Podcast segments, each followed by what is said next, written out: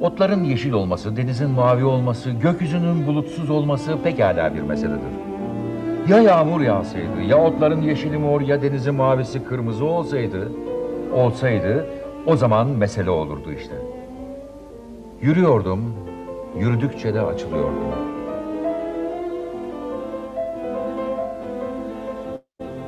Şşt,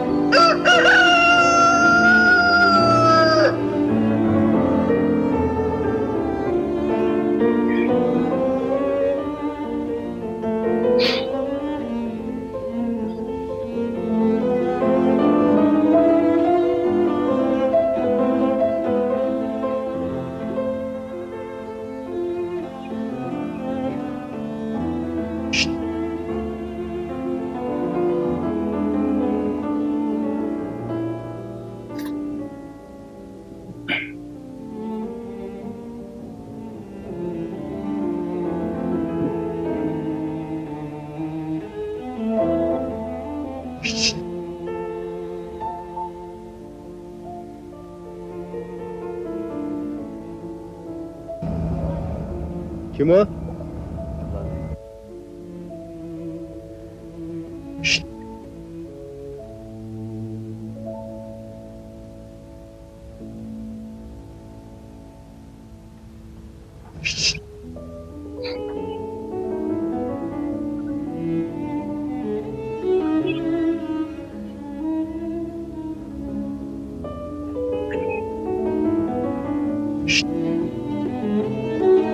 Vallahi ben de duydum. Nereden gelirse gelsin. Dağlardan, kuşlardan, denizden, insandan, hayvandan, ottan, böcekten, çiçekten. Gelsin de nereden gelirse gelsin. Bir şşt şşt sesi gelmedi mi fena. Geldikten sonra yaşasın çiçekler, böcekler, insanoğulları. Şşt şşt şşt.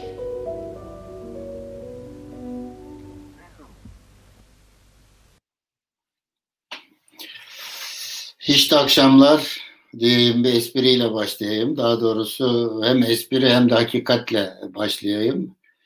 Ee, bugünün alam, bu muhabbetin alameti farikası hiç sözcüğü, anahtar sözcüğümüz bu akşamın baştan sona, girişten, girizgahtan e, finale kadar ne konuşursak konuşalım hepsini birbirine bağlayan e, bir e, iplik, e, bir yumağı birbirine bağlayan hiç hiç sözcüğü, telaffuzu da biraz zor ama olsun.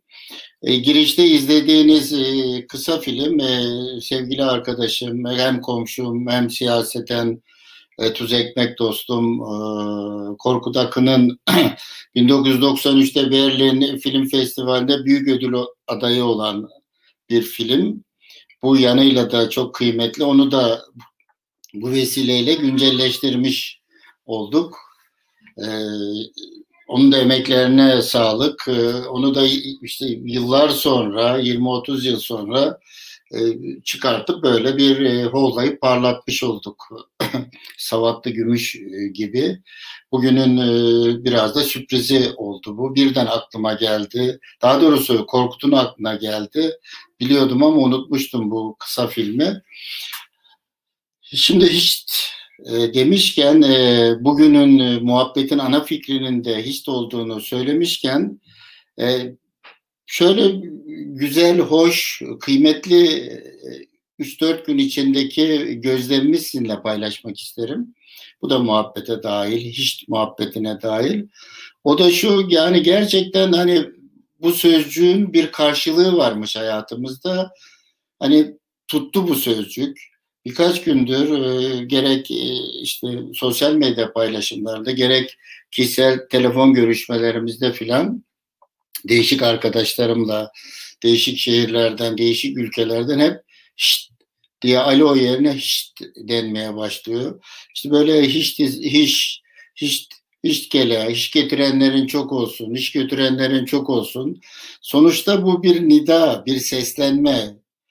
Nida ve bu yanıyla çok kıymetli ve bize hatırlattığı bir şey var. Bütün muhabbeti birbirine bağlıyor derken de altını çizmek istediğim aslında biraz da oydu.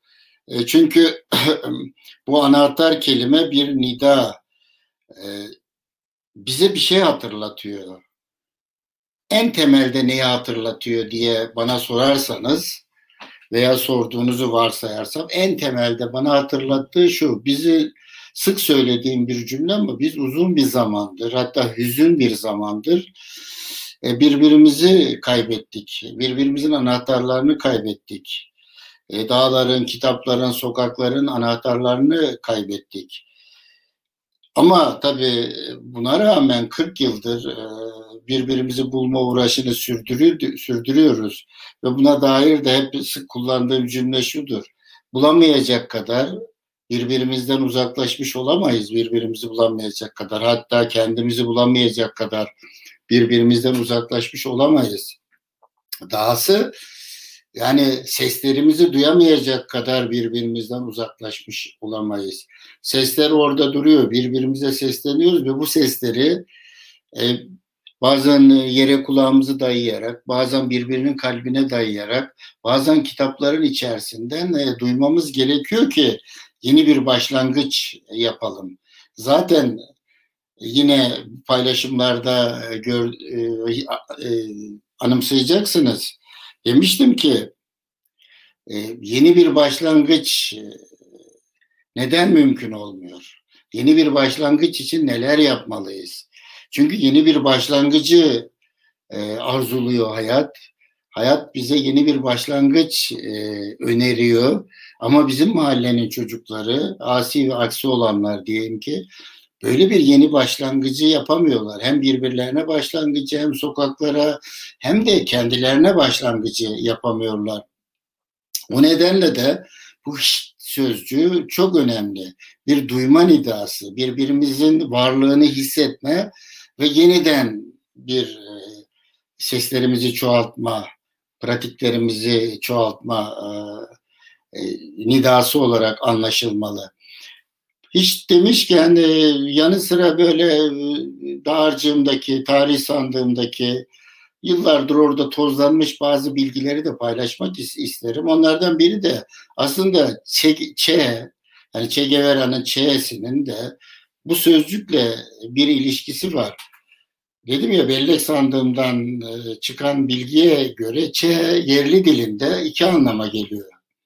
Bir insan demek yerli dilinde Che, İkincisi de işte tam bunun gibi hey ahbap baksana, duysana, işitsene demek. Yani bir çeşit hiç demek çe. Biz hiç dediğimiz zaman çe demiş oluyoruz. Çe demiş dediğimiz zaman hiç de demiş oluyoruz birbirimize. Bunu da böyle bir e, e paylaşmak istedim. Daha üzerinde de birazdan e, dert ettiğim, yara ettiğim, e, sizin de benzer e, dertlerinizin olduğunu hissettiğim, sezgisel olarak hissettiğim e, şeyleri paylaşmadan önce böyle bir genel çerçeve çizeyim istedim. Ya şimdi şöyle bir e, e, ne denir e, trajik durum var veya karşılıksız bir durum var. Ee, özellikle 68 68 kuşağından olanlar için de geçerli, 78 kuşağından olanlar için de geçerli. 12 Eylül'den bu yana miladalı alırsak alırsak e, zorun sıratında yaşadığımızı söyleyebiliriz. İşte birbirimizden eksildiğimiz, zarar ettiğimiz vesaire sık söylediğim şekilde. Yani karşılığımızın olmadığı yıllara denk geldi. Ömrümün, ben kendi açımdan söyleyeyim, ömrümün bu son e, 30 yılı, 40 yılı veya 20 yılı, 12 Eylül milat alırsak e, geldi. Yani enerjimi, ben şahsen politik enerjimi, poetik enerjimi, sanatsal enerjimi, tecrübe ettiklerimi sunacağım, sunacağım bir e, yer yok. E, varsa da işte temas ediyoruz vesaire bizim mahallenin değişik kolektifleriyle olsa da yeni bir başlangıcı yapabilecek temaslar veya ilişkiler değil. Bu, bu nedenle de biraz hani kendi üzerimden söyleyeyim, e, ifadeyi kendi üzerime vereyim. E, e, bir biraz e, böyle bir boşluk döneminde, karşılıksızlık döneminde de bu hiç sözcüğü hiç e, Orhan Said Faik'in hiç sözcüğü bana çok kıymetli ve çok e, önemli geliyor. Bir de şöyle birkaç sözcük de dağarcığımdaki bazı sözcükleri de bunlar eski sözcükler ama halen yeni anlamları olan sözcükler. Örneğin kıyam, kıymet, kıyamet birbirine komşu kelimeler. Kıyam, kıyam ayağa kalkmak, kıyım değil, kıyam ayağa kalkmak. E, kıymet zaten biliyoruz, kıyamet zaten biliyoruz. Biraz biz e, kıym yani 74-80 dönemindeki rüya zamanlardan sonra tasavvur edin 74-80 dönemi rüya zamanlardan sonra bir e, yani kıymetli bir tarihten sonra kıyameti bir tarihe şey yaptık. O nedenle de yani 74'ten itibaren hatta 65, 71, 74, 80 arasındaki o küçük kesintili dönemi kıymeti tarih, kıymetli tarih ve kıyameti tarihi olarak e, bir yıkım tarihi olarak da e, kodlayıp anlamak e, mümkün olabilir. Belki de bugünün bizi ifade edecek bu hareketsizliğimizin, yeni bir başlangıç yapamamamızın, yani bir zaman içinde hangi zamansa işte o zamanlarda şiirimizin ve sihrimizin kaçmasının e, nedenlerinden çok geriye doğru bu muhabbetin konusu değil ama bunlardan biri şu andaki verili durumu ifade etmek gerekirse bir Trabzon karşı veri türküsü yamadan yamaya atılan bir türküden el alarak ilerlersem şöyle o türkü diyor ki derenin değirmeni yine aldı gam beni şu gaybana sevdalık ipsiz bağladı beni. Aslında şu anda yaşadığımız şey ipsiz bağlanma. Şimdi o türküde aşkı ipsiz bağlanma olarak anlatıyor ya şu gaybana kör olasıca batasıca sevdalık ipsiz bağladı beni. Aslında bu Gramsci'nin rıza teorisi, hegemonya teorisi ne denk düşen bir halk manisidir. Biz bir ipsiz bağlanma dönemindeyiz.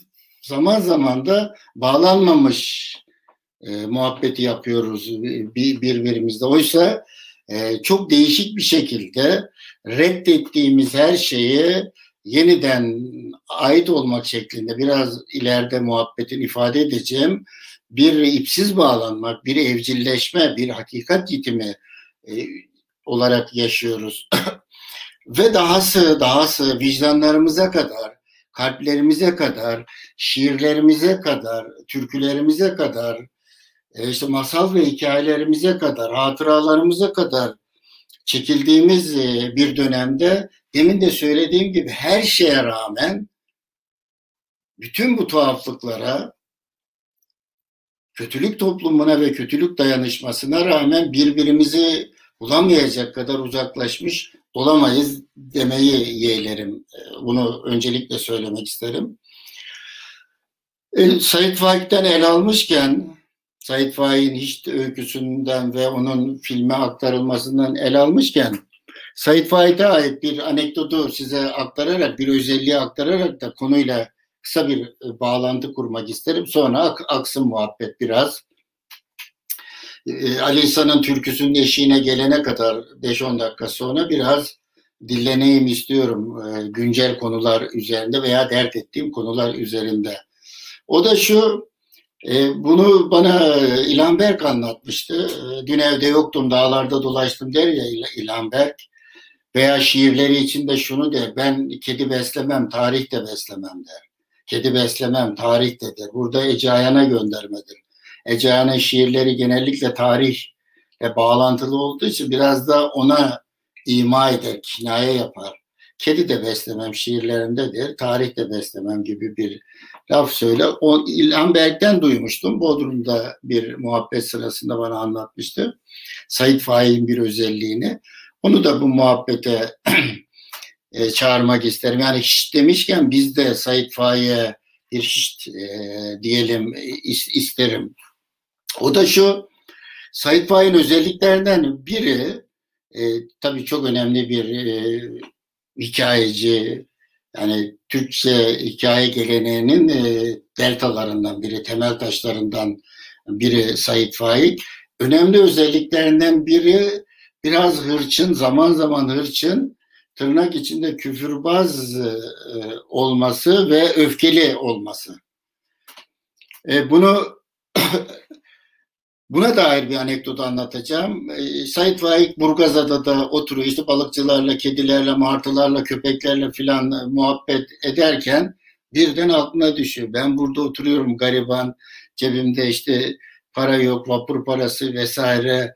Şimdi şu şu şu şairler, yazarlar, işte Edip Cansever, Turgut Uyar, işte Ece Ayan, e, İlhan Berk, e, Cemal Süreya vesaire vesaire vesaire Şimdi Beyoğlu'nda şu meyhanede bir koltuk meyhanesinde mutlaka içiyorlardır ve beni de dedikodu ediyorlardır diye bir vesveseye kapılır.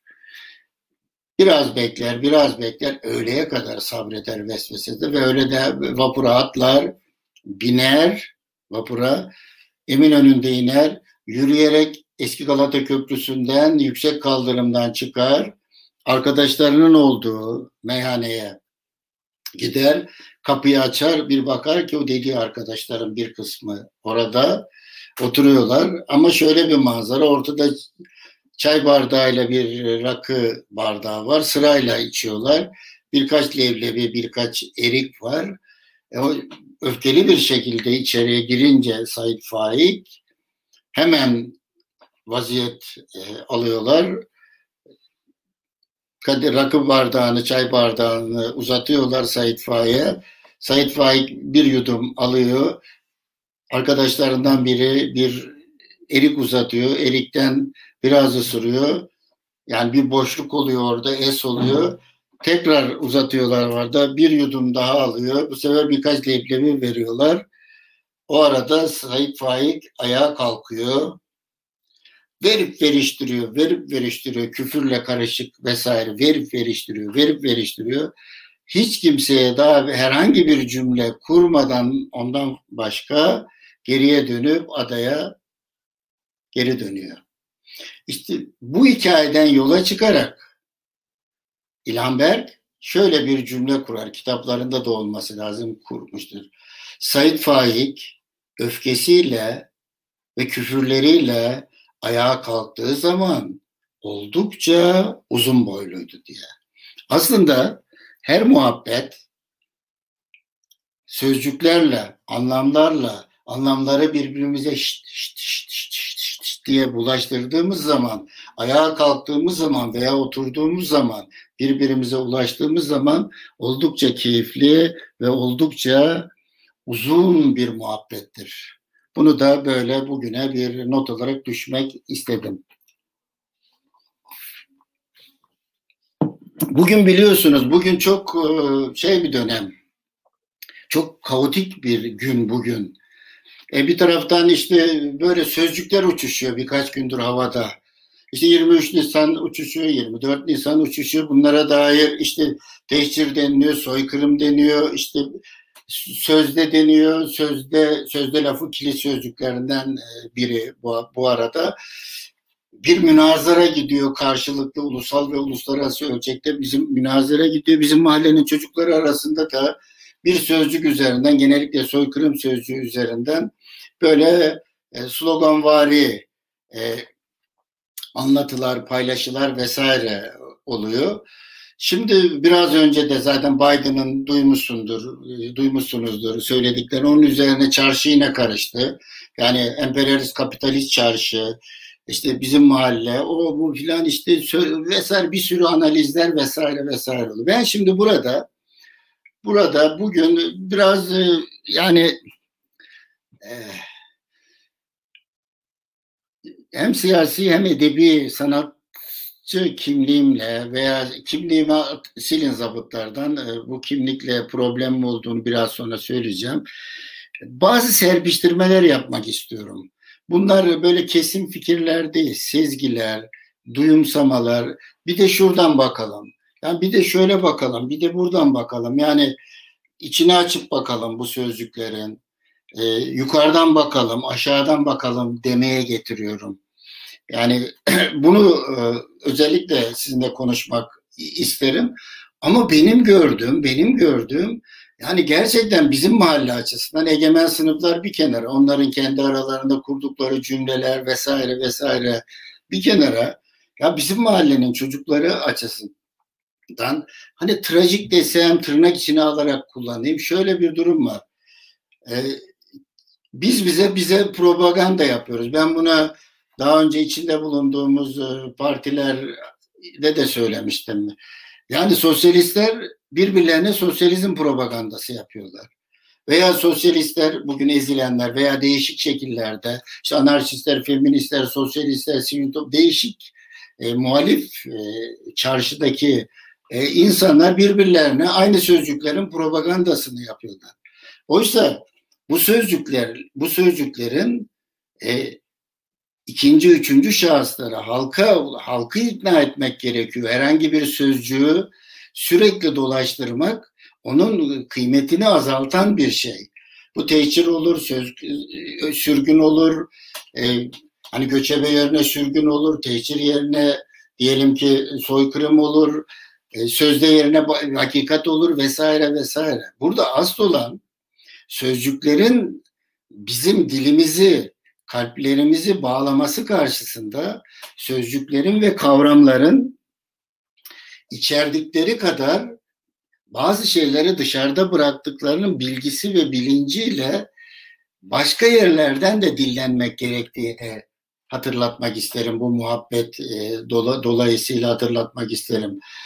Çünkü e, yani bir böyle bir e, tanımlamalarla geçiyor ömrümüz. Hani tanışmalarla değil, kavramları, sözcükleri, anlamları, bilgileri, soruları e, tanıştırmakla değil de cevapları yarıştırmakla ve tanımlamakla geçiyor ve ya muhabbetin ortasında büyük ihtimalle başında olmasa bile sona kalmadan birbirimizi hemen tanımlıyoruz ve ötekileştirebiliyoruz. Öyle bir dilimiz var bizim. Bu nedenle ben bu sürece, bu sürece yani 20-30 yıldır yaşadığımız hatta evveliyatına kadar sarkıtabiliriz. Bu süreci bellek krizi olarak da nitelendiriyorum. Bellek krizi. Yani dünya bir, bir dünya bir bellek krizi içerisinde. Aslında dünya bir bütün olarak madde mana ilişkilerinde, sosyalizm, kapitalizm ilişkilerinde, edebiyat, siyaset ilişkilerinde vesaire her şeyin yerleşik yerlerinden hareket halinde olduğu ve nereye gideceğini henüz e, anlayamadığı bir bellek krizi içerisinde. E, bu nedenle de e, şöyle bir şey söylüyorum ben. Tanımlamalar yerine tanımlamalar yerine daha çok içinde sorular olan e, muhabbet dilini kullanmamız gerekiyor. Bize önerilen bu mesele bu işte Ermeni meselesi, Kürt meselesi azınlıklar azınlıkları tırnak içinde kullanıyorum. Bu arada o kavramı hiç kullanmam. Hani derdimi anlatmak için kullan. Bu meselelerde bize önerilen nedir? E, tarihçilere bırakalım bu işi. E, bu akşam da çok dinledim bu programa gelmeden önce. Oysa benim cümlem şu beğenirseniz sizin cümlenizde olabilir ama bunu e, yani sizinle paylaşmak isterim. E, e, yaralardan oluşmuş tarih, tarihte yaşanmış trajediler, trajediler devletlere, tarihçilere e, bırakıla bırakılmayacak kadar ciddi bir şeydir. Yani biz devletlere ve tarihçilere güvenerek herhangi bir olayın hakikatini öğrenemeyiz. Onların genel olarak devletlerin ve tarihçilerin, işi tabii ki resmi tarihçilerin yaptıkları e, hakikati karartmak, delilleri karartmak olduğu için onlara emanet edilemez. Bunu söylemek isterim. Demin bir bellek krizinden söz etmiştim. Bir, bu unutma ve hatırlama krizi olarak da özetlenebilir. Burada e, e bir e, kavramlaştırma daha sizinle paylaşmak isterim. Bizim özgürleştirici bir hatırlamaya ihtiyacımız var. Bizim özgürleştirici bir hatırlamaya ihtiyaç. Klişe hatırlamalara değil, yani özgürleştirilmiş bir hatırlamaya ihtiyacımız var. Ve bütün bu muhabbetler karşısında ise biz e, yaraların beyanının esas olduğunu, yaralı olanların, e, Hrant gibi söylersek, Hrant e, kulakları çınlasın, her Ermeni bir belgedir demişti, her hikayedir demişti. Biz o hikayelerin toplamından, o yaraların toplamından iz sürerek fikir e, geliştirebiliriz. Tek tek sözcükler üzerinden bu sözcükler doğru bile bile olsa bunu birbirimize propaganda ederek yol almamız mümkün değildir. Bir de şunu anlamak gerekiyor. Bunu da önemsiyorum. Şunu anlamak e, gerekiyor. Bu Lacan'a ait bir sözcük olması lazım. Bu, bu tür alıntılarla konuşmayı çok sevmiyorum ama usulüne göre gömülmeyen ölüler geriye dönermiş. Tarih biraz böyle bir şeydir. Usulüne göre gömülmediyse herhangi bir ölü hakikatler e, gömülmek isteniyorsa onlar zamanı geldikleri zaman geriye dönerler ve e, yani biz ölmedik, biz gömülmedik derler. Çünkü hakikatlerin ve usulüne göre gömülmeyen ölülerin açığa çıkıp tarihi tersine yarışmak gibi, tarihin tüylerini tersine taramak gibi bir huyları vardır. Bizim güveneceğimiz şeyler esas olarak buralardan dillenmek e, olabilir. E, bir şey söyleyeyim. Birazdan e, Ali İhsan'a hemen ilk molamızı vereceğim. Ali İhsan bir türkü molası versin. E, Hrant'ın da 96'lı yıllarda yani 25-30 yıl önce yazdığı bir yazı vardı. Hem 23 Nisan'ı anlatıyor hem de 24 Nisan'ı anlatıyor. Ve Hrant orada çok zeki bir şekilde hem mecaz olarak hem hakikat olarak 23,5 e, lisan diyor. Şimdi bu bunun üzerine e, durmamız gerekiyor. 20 yani karşı karşıya sürekli karşı karşıya getirmek yerine e, 23 Nisan'a dair yapısal eleştirilerimiz olabilir. Bizim Cumhuriyete, Cumhuriyete dair olabilir. Zaten vardır. Ben öyle bir eleştiri geleneğinden de gelen e, biri, biriyim. Ama burada başka türlü mesela Hrant 23 buçukuncu 23 buçuk Nisan diyor ve anlatıyor koca koca bir makalesinde ve orada bağlıyor. Bu çocukları karşı karşıya getirmemenin de e, dili zaten Hrant'ın dili biliyorsunuz iyilik e, diliydi. Bu bölümü bir e, küçük anekdotla bir hikayeyi anlatacaktım onu sonraya bıraktım anekdot da bitireyim. Bugün e, Halk TV'de işte Seran Asker'in programını izledim. Biraz izledim baktım. Çünkü Udu Yervant da vardı. Kağıtalı Mıçı da vardı. Onları izlerim genellikle.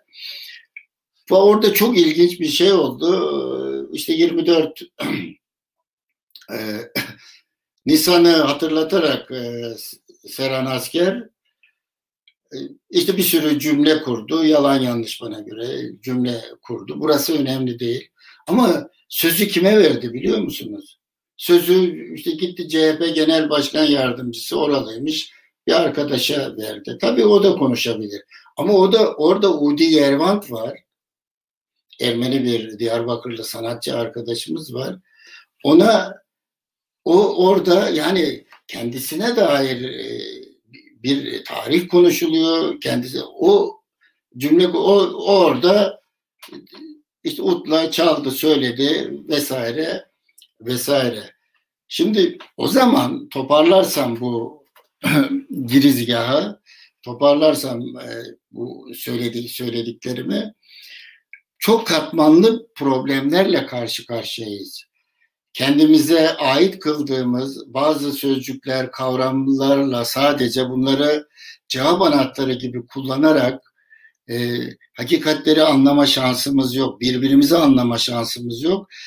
Birbirimize ancak propaganda yapabiliriz ve asıl olan hakikat dediğimiz şeyleri, gerçek dediğimiz şeyleri halka anlatmaksa buralar üzerinden herhangi bir şey anlatmak e, çok da mümkün olmaz.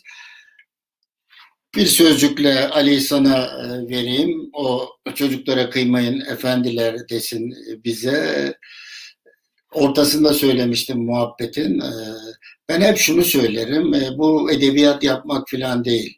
Yani bir yarayı hatırlatmak bakımından bugün de hatırlatayım. Biraz önce bir kısmını hatırlattım. Aslında şiir, aşk ve devrim yaradır ve yaraların beyanı esastır.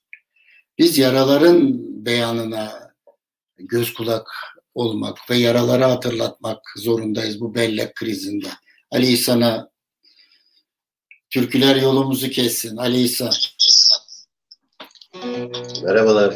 Umarım keser abi.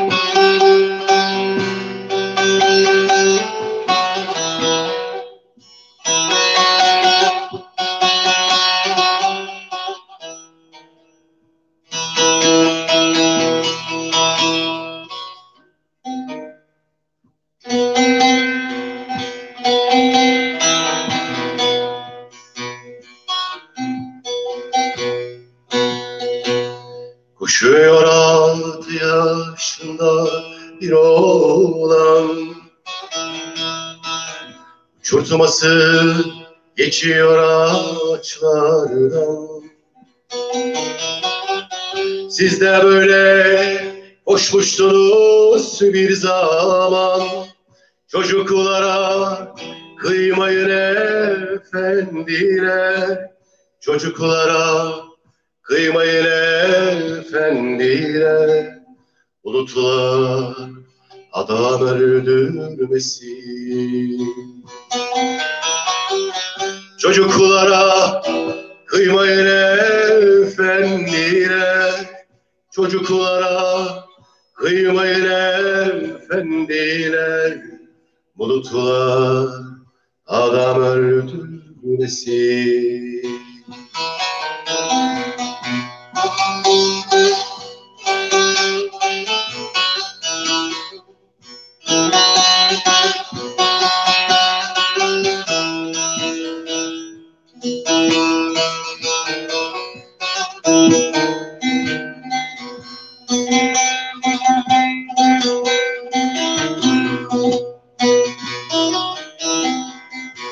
Kimler aynada saçını tarar Aynanın içinde birini arar. Elbet bir gün sizi de ararlar. Gelinlere kıymayın efendiler. Gelinlere kıymayın efendiler bulutlar adam öldürmesin. Gelinlere kıymayın efendiler Gelinlere kıymayın efendiler Bulutlar adam öldürmesin.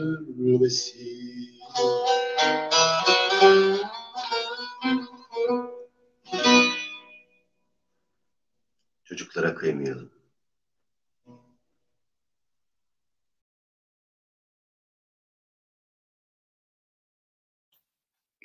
Teşekkürler Ali İhsan. Böyle türkülerin e, önümüzü kesmesi e, güzel oluyor. E, hiç olmazsa hem sorularımıza hem sezgilerimize, bilgilerimize değil, sezgilerimize de eşlik ediyor. Şimdi bu akış içerisinde elbette kafamda böyle şşt sözcüğünden kaynaklanan bir e, akış var ama e, e, her konuşma kendi akışı içerisinde yeni deltalara da, yeni sokaklara da e, sapıyor. Onu da biraz sizinle paylaşmak isterim. Bu noktada yani şu an, şu an yeni gireceğim yol, yeni gireceğim sokak e, bana göre e, bizim kuşağım ve 68 kuşağın hem dünya tarihsel planda hem ben bu memleket planında en trajik yanı. Bunu şöyle bir cümleyle özetledim ben. 68 ve 78 kuşağının trajedisi olarak eve dönüş. Hani bir cümle kur cezası, kurma cezasını verseniz bana, özet cezasını böyle kurup eve dönüş trajedisi. iki kuşağın eve dönüş trajedisi. Şimdi burada bunu biraz anlatmam anlatmam için e, geçmişe dönmek, geçmişten biraz el almam e, gerekiyor.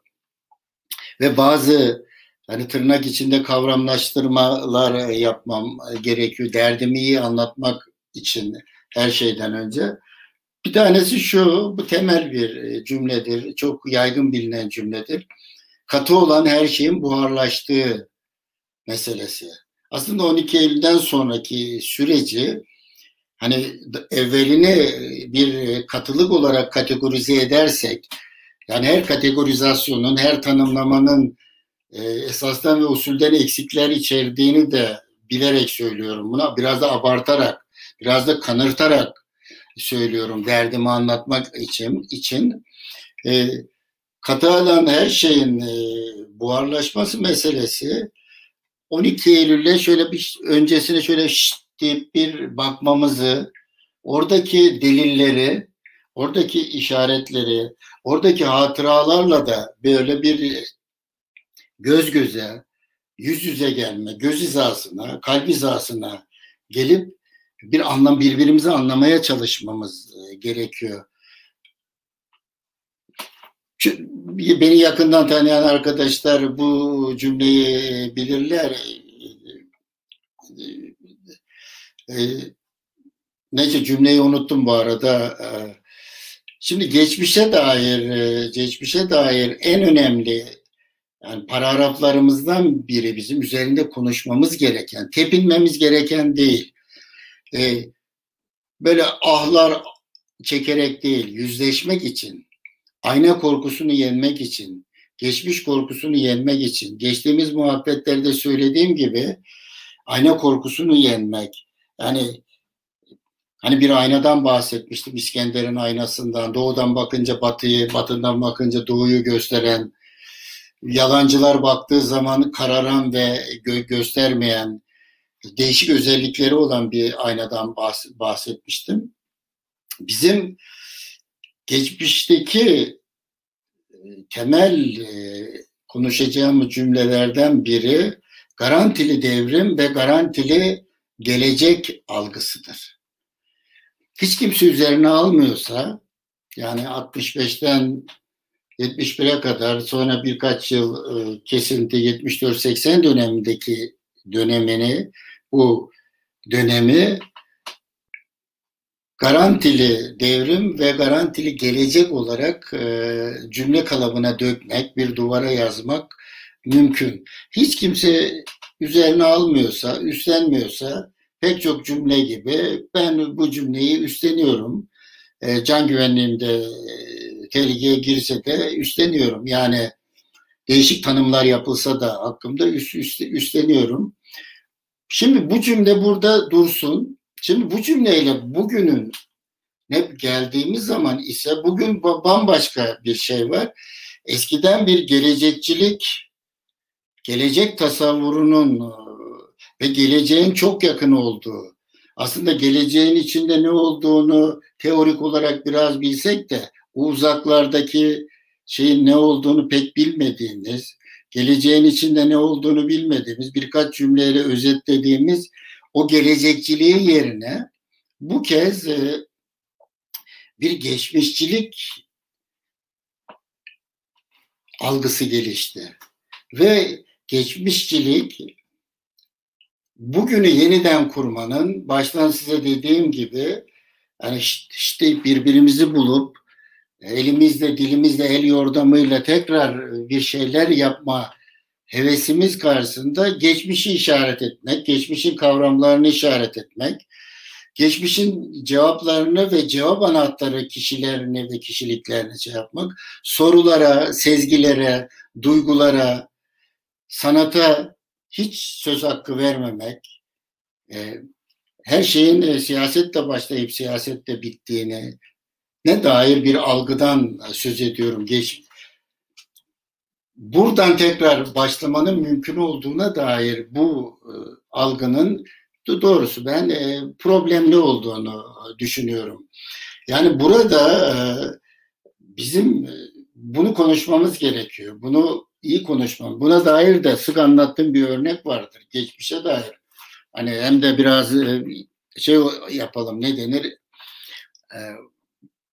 Biraz sizi yormayayım. Böyle değişik anekdotlarla da biraz gülümsetmek isterim. Sıkıcık olmasın muhabbet. Hani Bertolt Brecht'te Bertolt Brecht Almanya'da ehliyet sınavına girer. E tabi Derya Deniz bir Bertolt Brecht. Nazariye teorik kısmı hemen verir.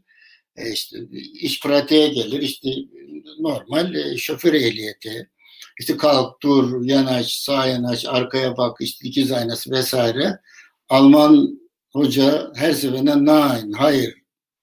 Bir, iki, üç, dört, beş, nine, nine, nine, nine. En sonunda biraz e, alınmış Brett abimiz e, biraz da kırılmış, biraz da öfkelenmiş ve demiş ki en sonunda son hikayenin finalinde çekmiş arabayı sağa yine nine nine nine dedikçe e, rehber öğretmen çekmiş sağa işte el frenini çekmiş ama dil frenini çekmemiş. Dil frenini çekme demiş ki hocaya yani demiş e, bana sorarsanız e, ben her şeyi yapıyorum işte dur kalk yani bütün o pratikleri biliyorum neden beni e, hanan deyip e, işte ehliyetim vermiyorsunuz geçirmiyorsunuz. Biret eğilmiş ona bu sefer Biret şöyle doğulmuş o hoca Biret'e doğru eğilmiş böyle demiş ki Monsieur Biret veya Harry Biret Biret Bey her neyse galiba siz sosyalistsiniz demiş. O da şaşırmış tabii. Nereden anladınız demiş benim sosyalist olduğumu. Tanışmıyoruz ki biz hani benim sosyalist olduğumu nereden bildin, nereden anladın? Rehber demiş ki çünkü siz otomobili kullanırken uzağa, uzağa bakarken yakını, yakına bakarken uzağı, sağa bakarken solu, sola bakarken sağı görmüyorsunuz. Olsa olsa bunu bir sosyalist yapar demiş. Bu, bu e, kıssadan ise çok eskiden Can Yücel ve e, Murat Belge'nin bir e, karşılıklı diyaloğundan okumuştum da 30-40 yıl önce.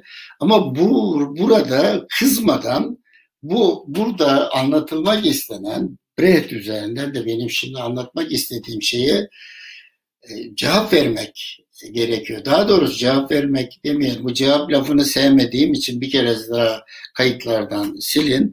Bunun üzerinde konuşmamız gerekiyor. Tepinmeden konuşmamız gerekiyor. Soğukkanlı bir şekilde konuşmamız gerekiyor. Bireyetten söz almışken bu muhabbete düşeceğim notlardan da biri şu. Şimdi 74-80 dönemi e, Türkiye tarihinde e, devrim siyasi kavramlarla söylersem devrimci kalkışmanın en yükseldiği bir dönem. Binlerin, on binlerin sokaklara döküldüğü, kırda sadece öğrencilerin değil köylülerin, halk hareketlerinin filan olduğu bir dönemdi. Evet, böyle bir, bir dönemdi. Rüya zamanlarda. Bu Mezopotamya'yı anlatırken nasıl mitolojik zamanlar denir? 74-80 dönemde bir çeşit içindeki bütün yapısal problemlere rağmen, her şeye rağmen bir rüya zamanlardı. Peki bu rüya zamanlarda özne olan insanlar, o bin, binler nereye gittiler? Burada da yine Bireyet'te dönersek, bir Bireyet'in çok ünlü bir şiiri vardır. Okumuş bir işçi soruyor, şiir uzun ama bir dizesi çok önemli bu muhabbet açısından. Diyor ki Bireyet o şiirinde, ne oldular dersin duvarcılar Çin Seddi bitince. Gerçekten piramitleri yapınca o köleler ne oldu? Çin Seddi bitince şey ne oldu? Ee, onu yapan işçiler ne oldu? 74-80 dönemi 12 Eylül'de bitince o insanlar, o özneler ne oldular? Buharlaşıp nereye gittiler? Birbirlerine gitmediklerini biliyoruz.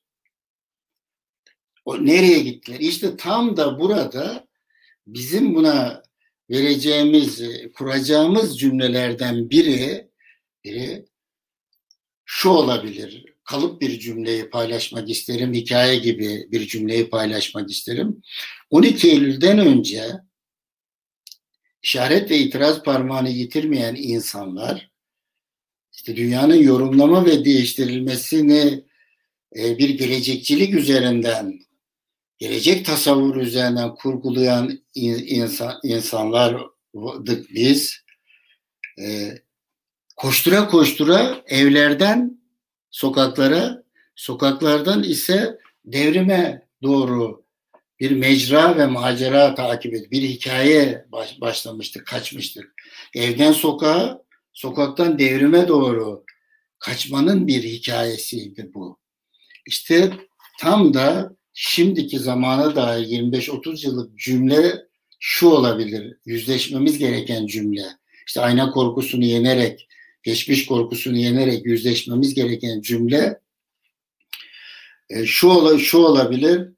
Koştura koştura sokağa, evden sokağa kaçan, sokaktan da devrime ve geleceğe doğru kaçan insanlar yavaş yavaş veya koştura koştura bazen zorla, bazen ikna yoluyla yeniden eve döndüler. Hatta yeniden devlete yeniden kayıt yaptırdılar. Kapitalizme vesaire çok politik kavramlarla da izah edebilirim bunu.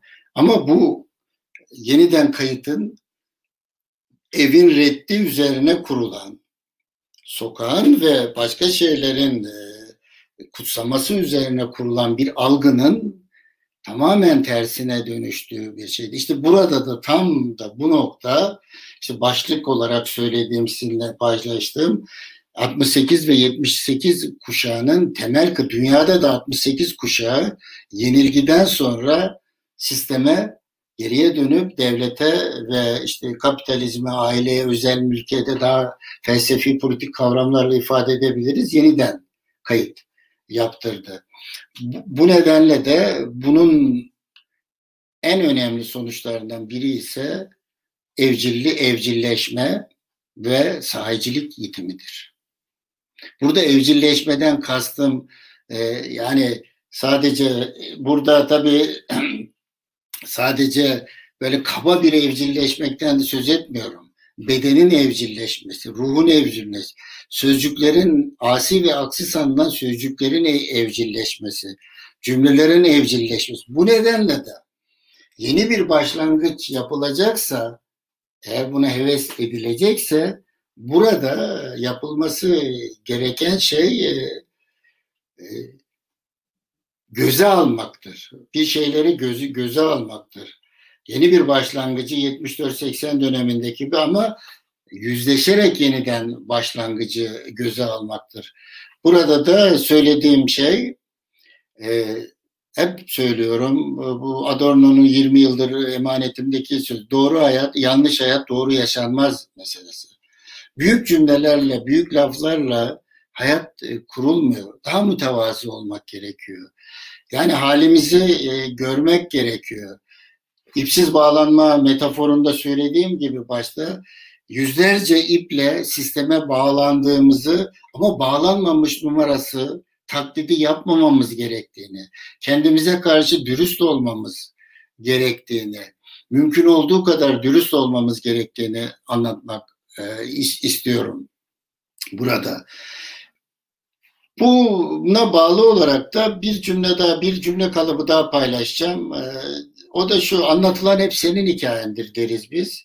Anlatılan senin hikayendir deriz. Yani dünya tarihsel planda ve memlekette üretilen hani bizim mahalle diyeyim. Hani bunu da zorunlu kullanıyorum. Orada da bir sınırlama var.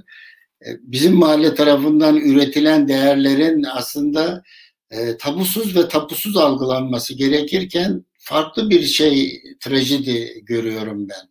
O da şu, mülksüz, tabusuz ve tapusuz bir dünyayı tasavvur edenler diyelim ki şu şehir benim, bu benim, şu kolektif benim, bu benim, bu benim diyerek hatta şu insanın hikayesini yazamazsınız.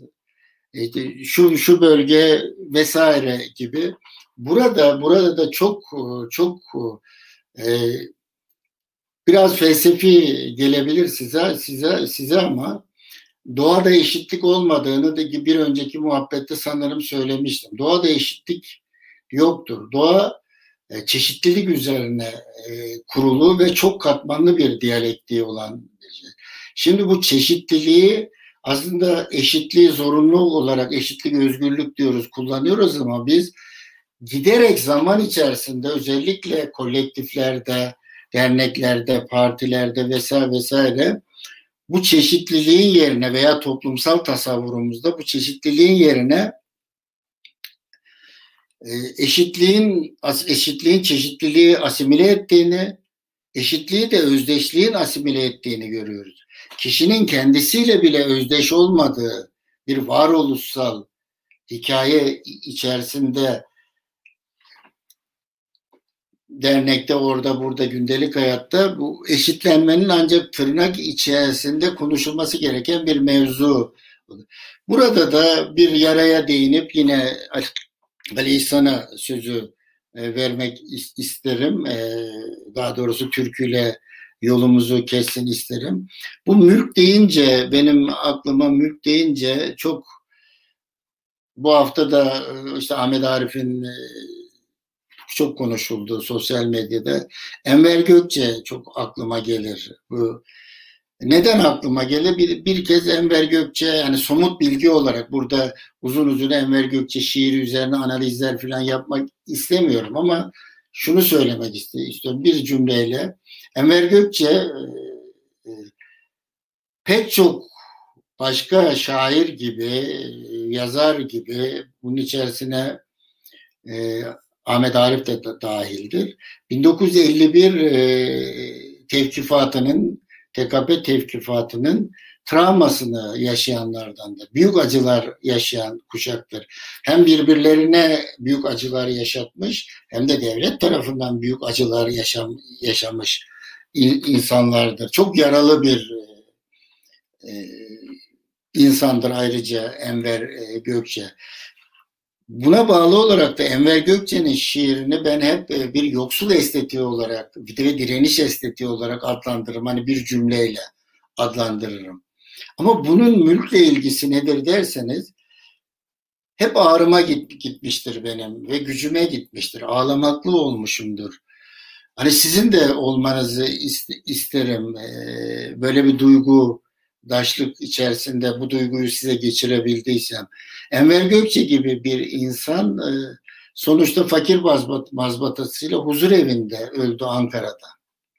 Şimdi burada bizim edebiyat yok 40 kuşağı, garip kuşağı, odur budur, ikinci yeni vesairenin öte, ötesinde sormamız gereken çok ciddi bir soru var. Enver Gökçe ile deyip neden biz o dönemin insanları, yazarları, çizerleri, e, hali vakti yerinde olanlar, dernekleri, sendikaları, partileri ve vesaire vesaire büyük cümleler kuranlar, yüksek siyaset yapanlar, yüksek edebiyat yapanlar neden Enver Gökçe ile bir e, somut, anlaşılır bir dayanışmayı gösteremediler? Bunu e, bu muhabbette de sizinle e, paylaşmak isterim. Bu bir yana ile Enver Gökçe'nin 51 tevkifatı nedeniyle kendi içine kaçmasıyla ilgili, dış duyargaları kapası mı ilgili de olsa da sonuçta bu soru ortada duruyor Enver Gökçe'nin. Yani yoksul etiği ve estetiği üzerine şiir yazan bir insanın böyle bir duruma düşmesi hala yüzleşilmesi gereken bir problem olarak önümüzde e, duruyor. Evet Ali İhsan, ben bir su molası vereyim. E, sen ağladıkça mı diyecektin, ne diyecektin? E, Ağlayalım abi beraber. Vallahi Enver, ilk gözyaşının tarihini bulalım. aynen aynen. Paylaşmada sınır yok. Ağlamayı da paylaşabiliriz.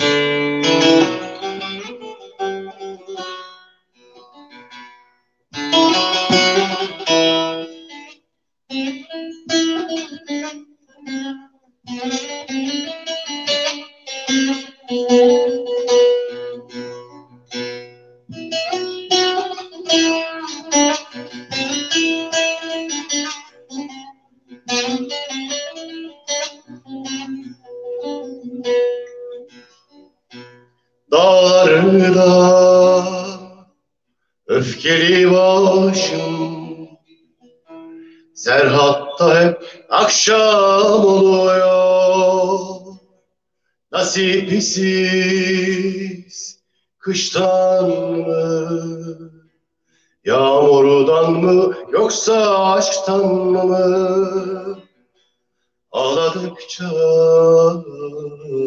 Ağladıkça dağlarımız yeşerecek, görecek, göreceksin. Ağladıkça, ağladıkça geceyi tutacağız, görecek, göreceksin.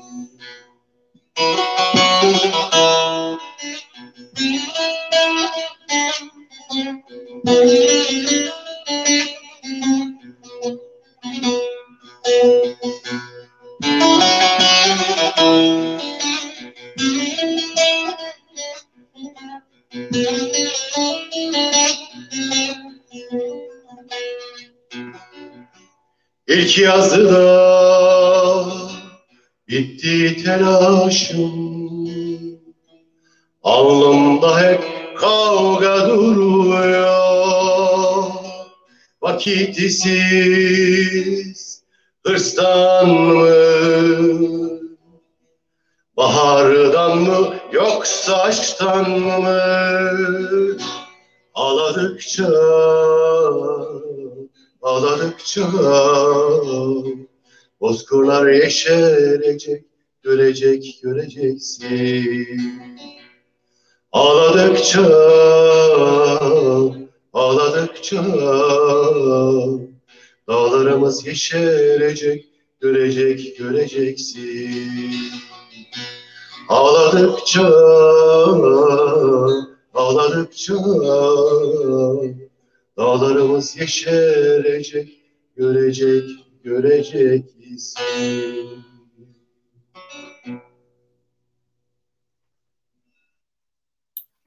Evet, ağladıkça Ağladık. Evet. Sesi evet. Ee, şimdi başka bir e, hiç hiç sokağına geçeyim istiyorum. Ee, yani muhabbete oradan e, devam edelim. Bu arada şey de söyleyeyim. Ee, arada ben e, Ali İhsan türkü söylerken yandaki paylaşımlara bakıyorum arkadaşların. Tabii hepsine dikkatli bir şekilde bakmam mümkün olamıyor sorularınız varsa sorularınız soruları yazarsanız rejiden arkadaşlar bana o soruları e, iletirler ve bağlamları içe, içerisinde e, cevaplamaya değil de onlar üzerine e, konuşmaya bir beyin fırtınası yapmaya e, çalışırım böyle tadımlık da olsa.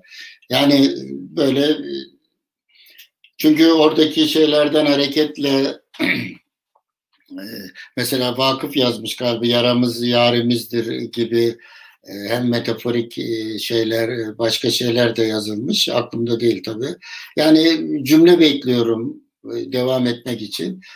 Dert ettiğim meselelerden biri aslında bu, bu muhabbet biraz da birbirimizle tanışma muhabbeti olduğu için ben soru sormaya, daha doğrusu cevaplarımdan şüphelenmeye hapishanede başladım. Bunu söyleyebilirim size.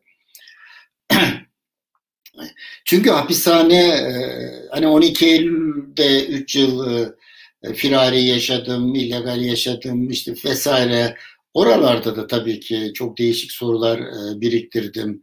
Değişik tecrübeler biriktirdim. Kendimi tecrübe ettim, korkularımı tecrübe ettim ilişki ve çelişkilerimi tecrübe ettim ama esas olarak hapishaneler e, insanın, kişinin e, içeriyle dışarı, e, benle biz yani ağaçla orman, siyasetle sanat, değişik şekillerde kendini yeniden tartıya vurdu. Aklını, kalbini, kavramlarını, sorularını yeniden tartıya vurduğu bir dönem.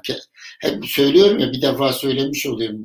Yani eski kendinden yeni kendine taşınmaya heves ettiği bir dönem başarabilirse.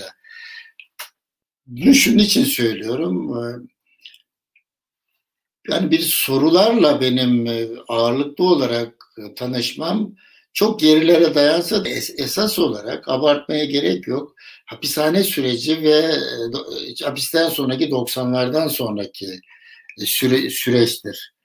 Bunu böyle bir kenara beni tanımanız açısından bütün bu konuştuklarımızı deyip bununla da ilişkilendirmeniz başımızdan bakımından e, söylüyorum. Bunlardan biri de bu kimlik ve kimlik politikası veya kimlik üzerine tek sözcük kimlik. Hep kimlik deriz ya benim kimliğim, benim dünya görüşüm, işte kimlik politikaları denir vesaire. Yani kimlik bağlamlı şeylere dair giderek e, şüpheyle bakmam.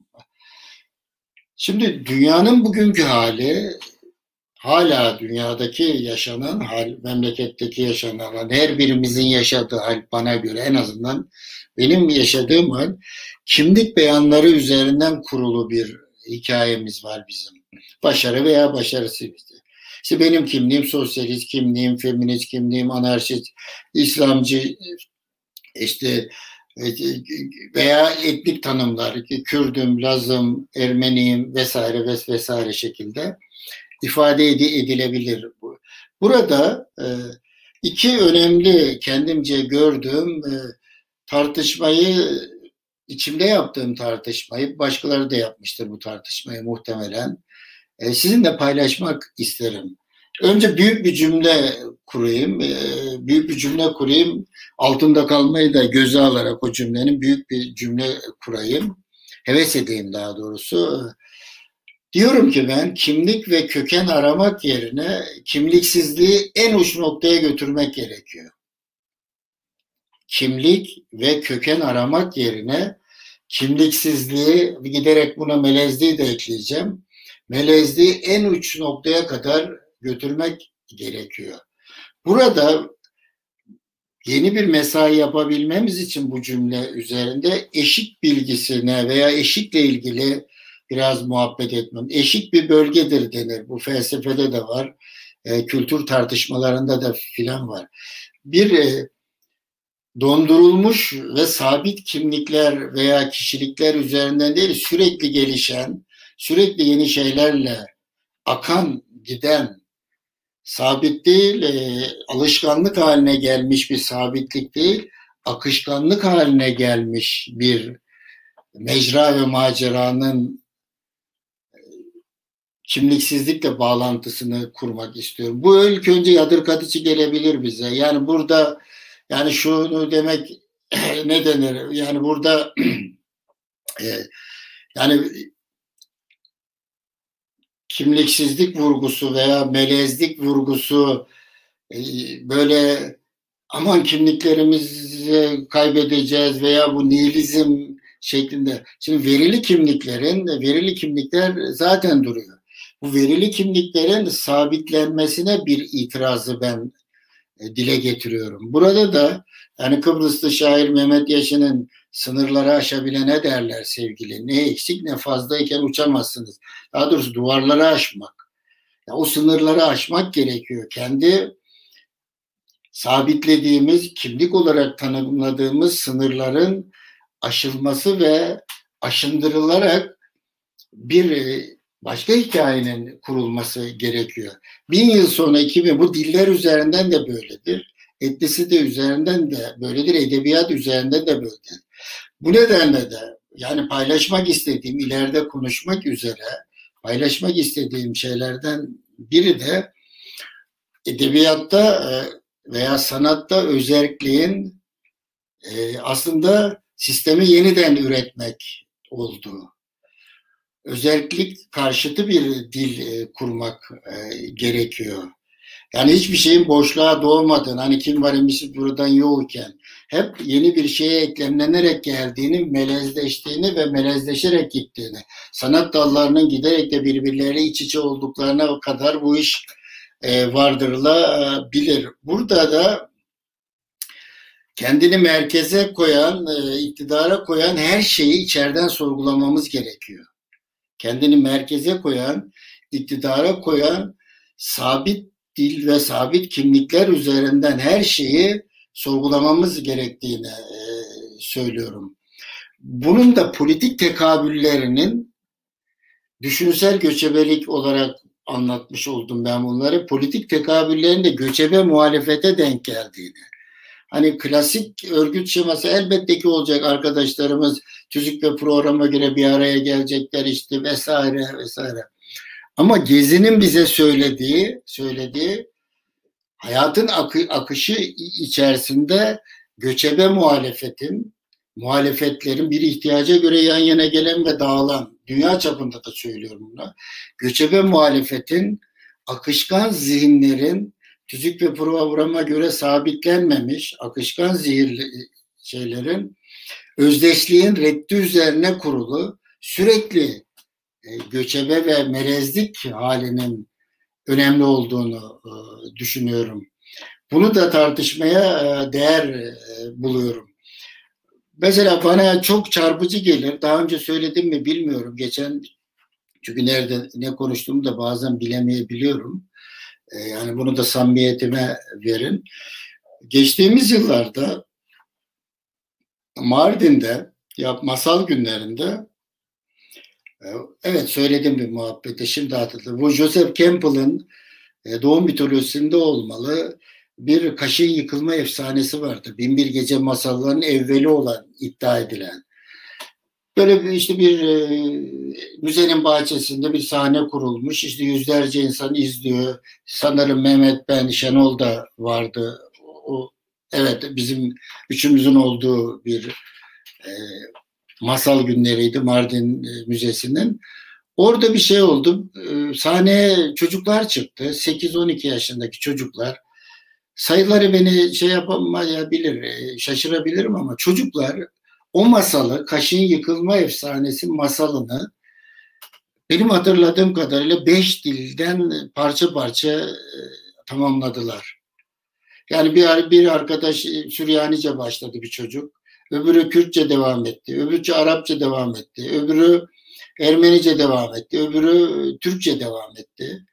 Ben bunun çok önemli olduğunu aslında görünüşte dillerin sabitliği gibi görünse de anlam alıp anlam vermeye ilişkin giderek yani en başta söylediğim cümle gibi kimliksizliği sonuna kadar en uç noktasına kadar götürmek gerekiyor. Aksi halde kökene ait ki köken teorileri genelde milliyetçi veya teolojik teorilerdi. İşte Levi Mahfuz'da her şeyin yazıldığına dair işte bir herhangi bir kökenin e, dünyanın en iyi, en cici ulusu olduğuna dair bir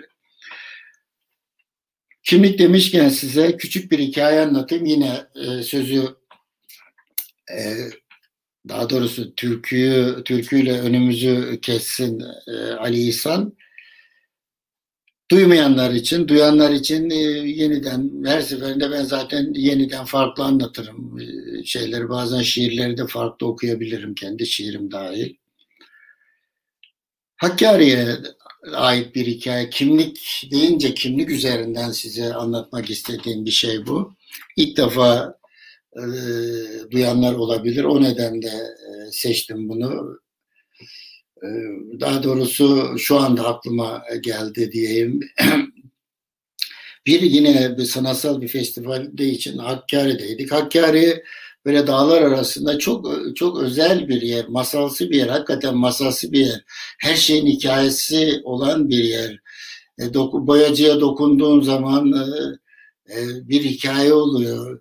Bir, bir de denk sana ses getiriyor, ses götürüyor.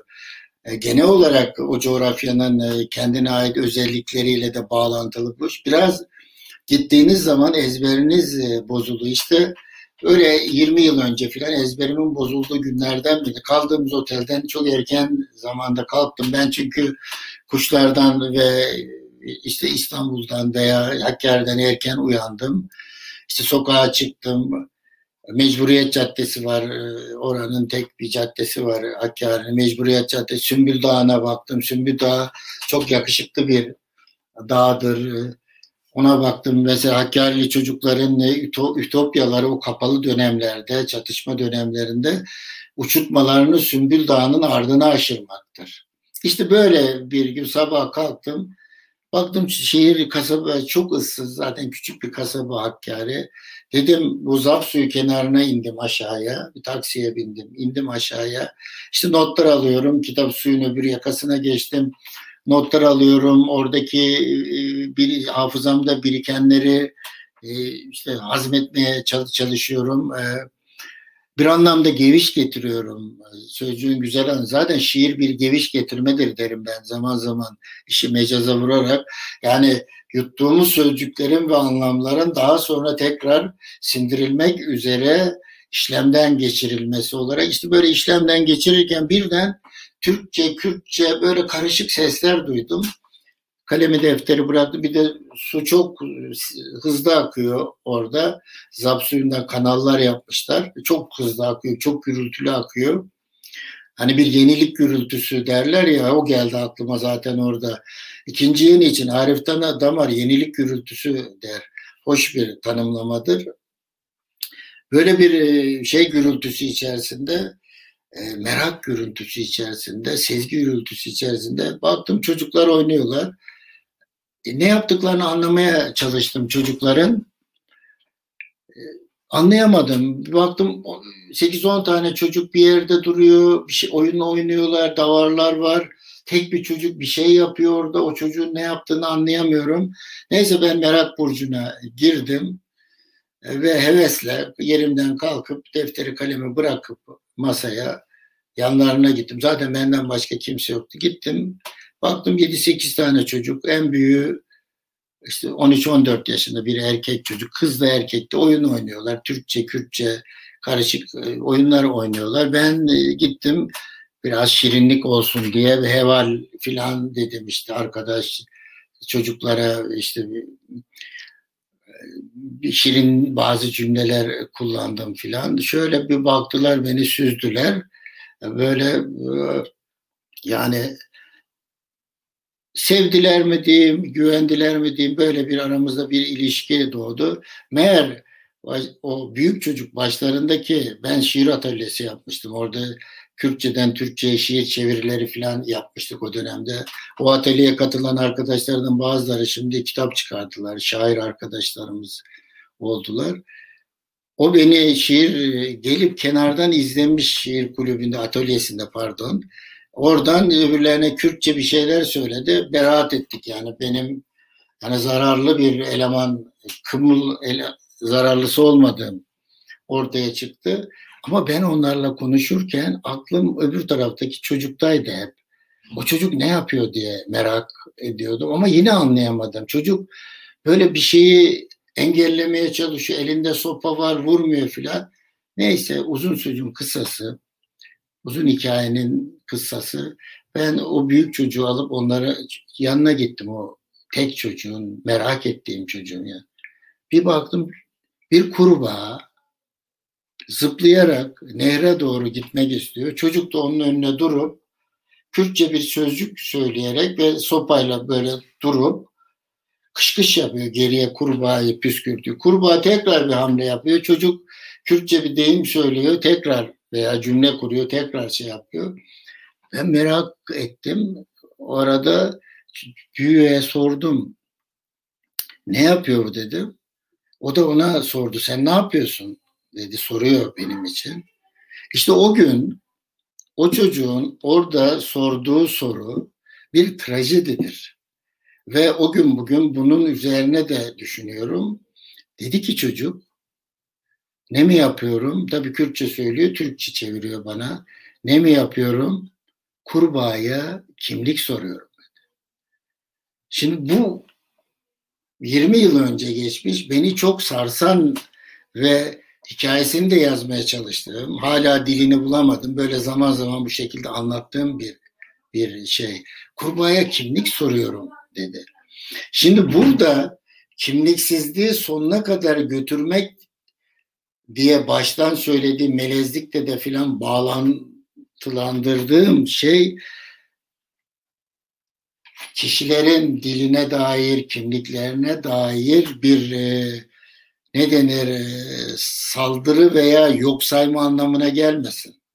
Benim bu anlatımlara yüklediğim anlam asimilasyonun reddi üzerine özgürlükler temelinde bir gelecek tasavvurunun melezlik, edebiyatta melezlik vesaire olacağına dair kimlikten kimliksizliğe doğru gideceğine dair bir cümledir. Yoksa şimdi kurbağaya kimlik soran çocuğun hangi kimlik trajedisini nasıl bölgede bir trajedi yaşadığını anlamazsak zaten hani kalbimiz kurusun filan denir ya hani dilimizden çarp, çarpılırız. O çocuğun kurduğu cümlelerden e, çarpılırız.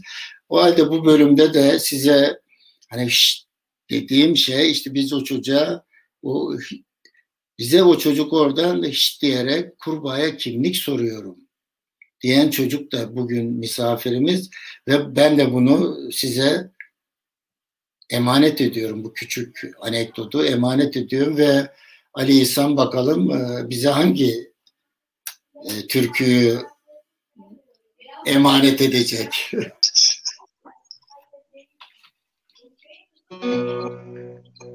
Emanete ihanet yok. Verdiğini geri alıyorsun abi bende.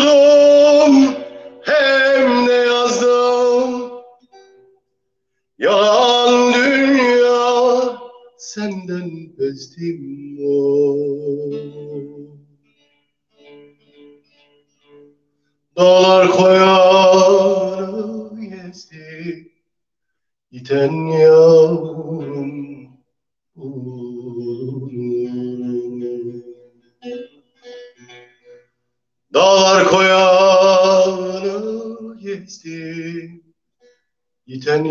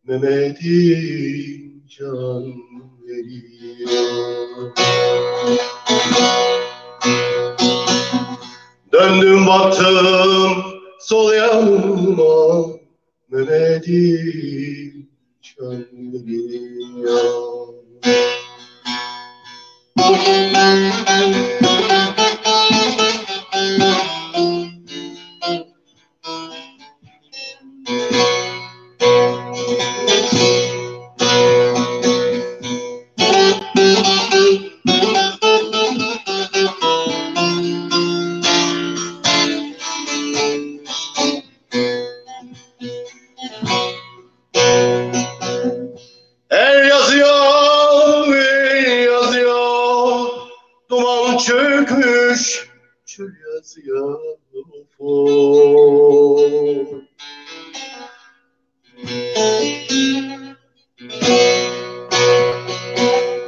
Kurban olam, kurban olam, eşikte yatar kuzuya.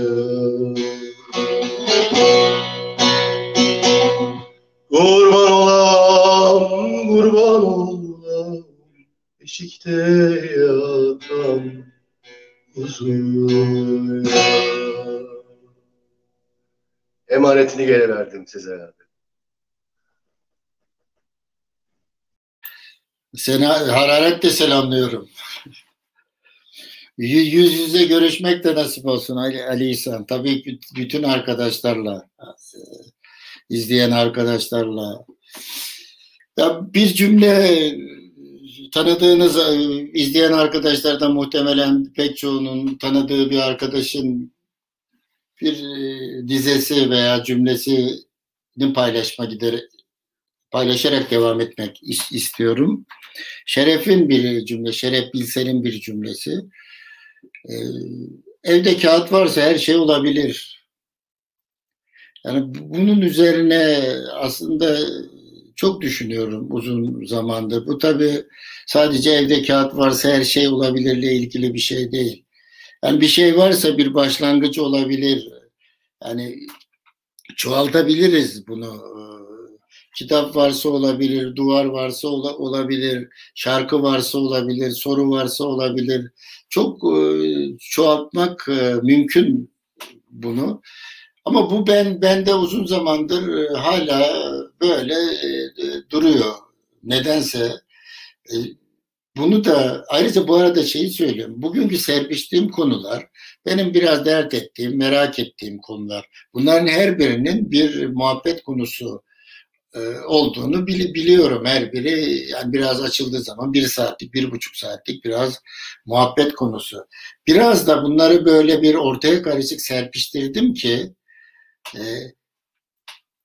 eğer isterseniz isterseniz özelden veya genelden yazıp bunların içerisinden bazılarını ileride e, spesifik olarak o konu üzerine diyelim ki kimlik ve kimliksizlik e, üzerine veya eve dönüş üzerine ayrı ayrı başlıklar altında sohbet etme şansımız e, olabilir.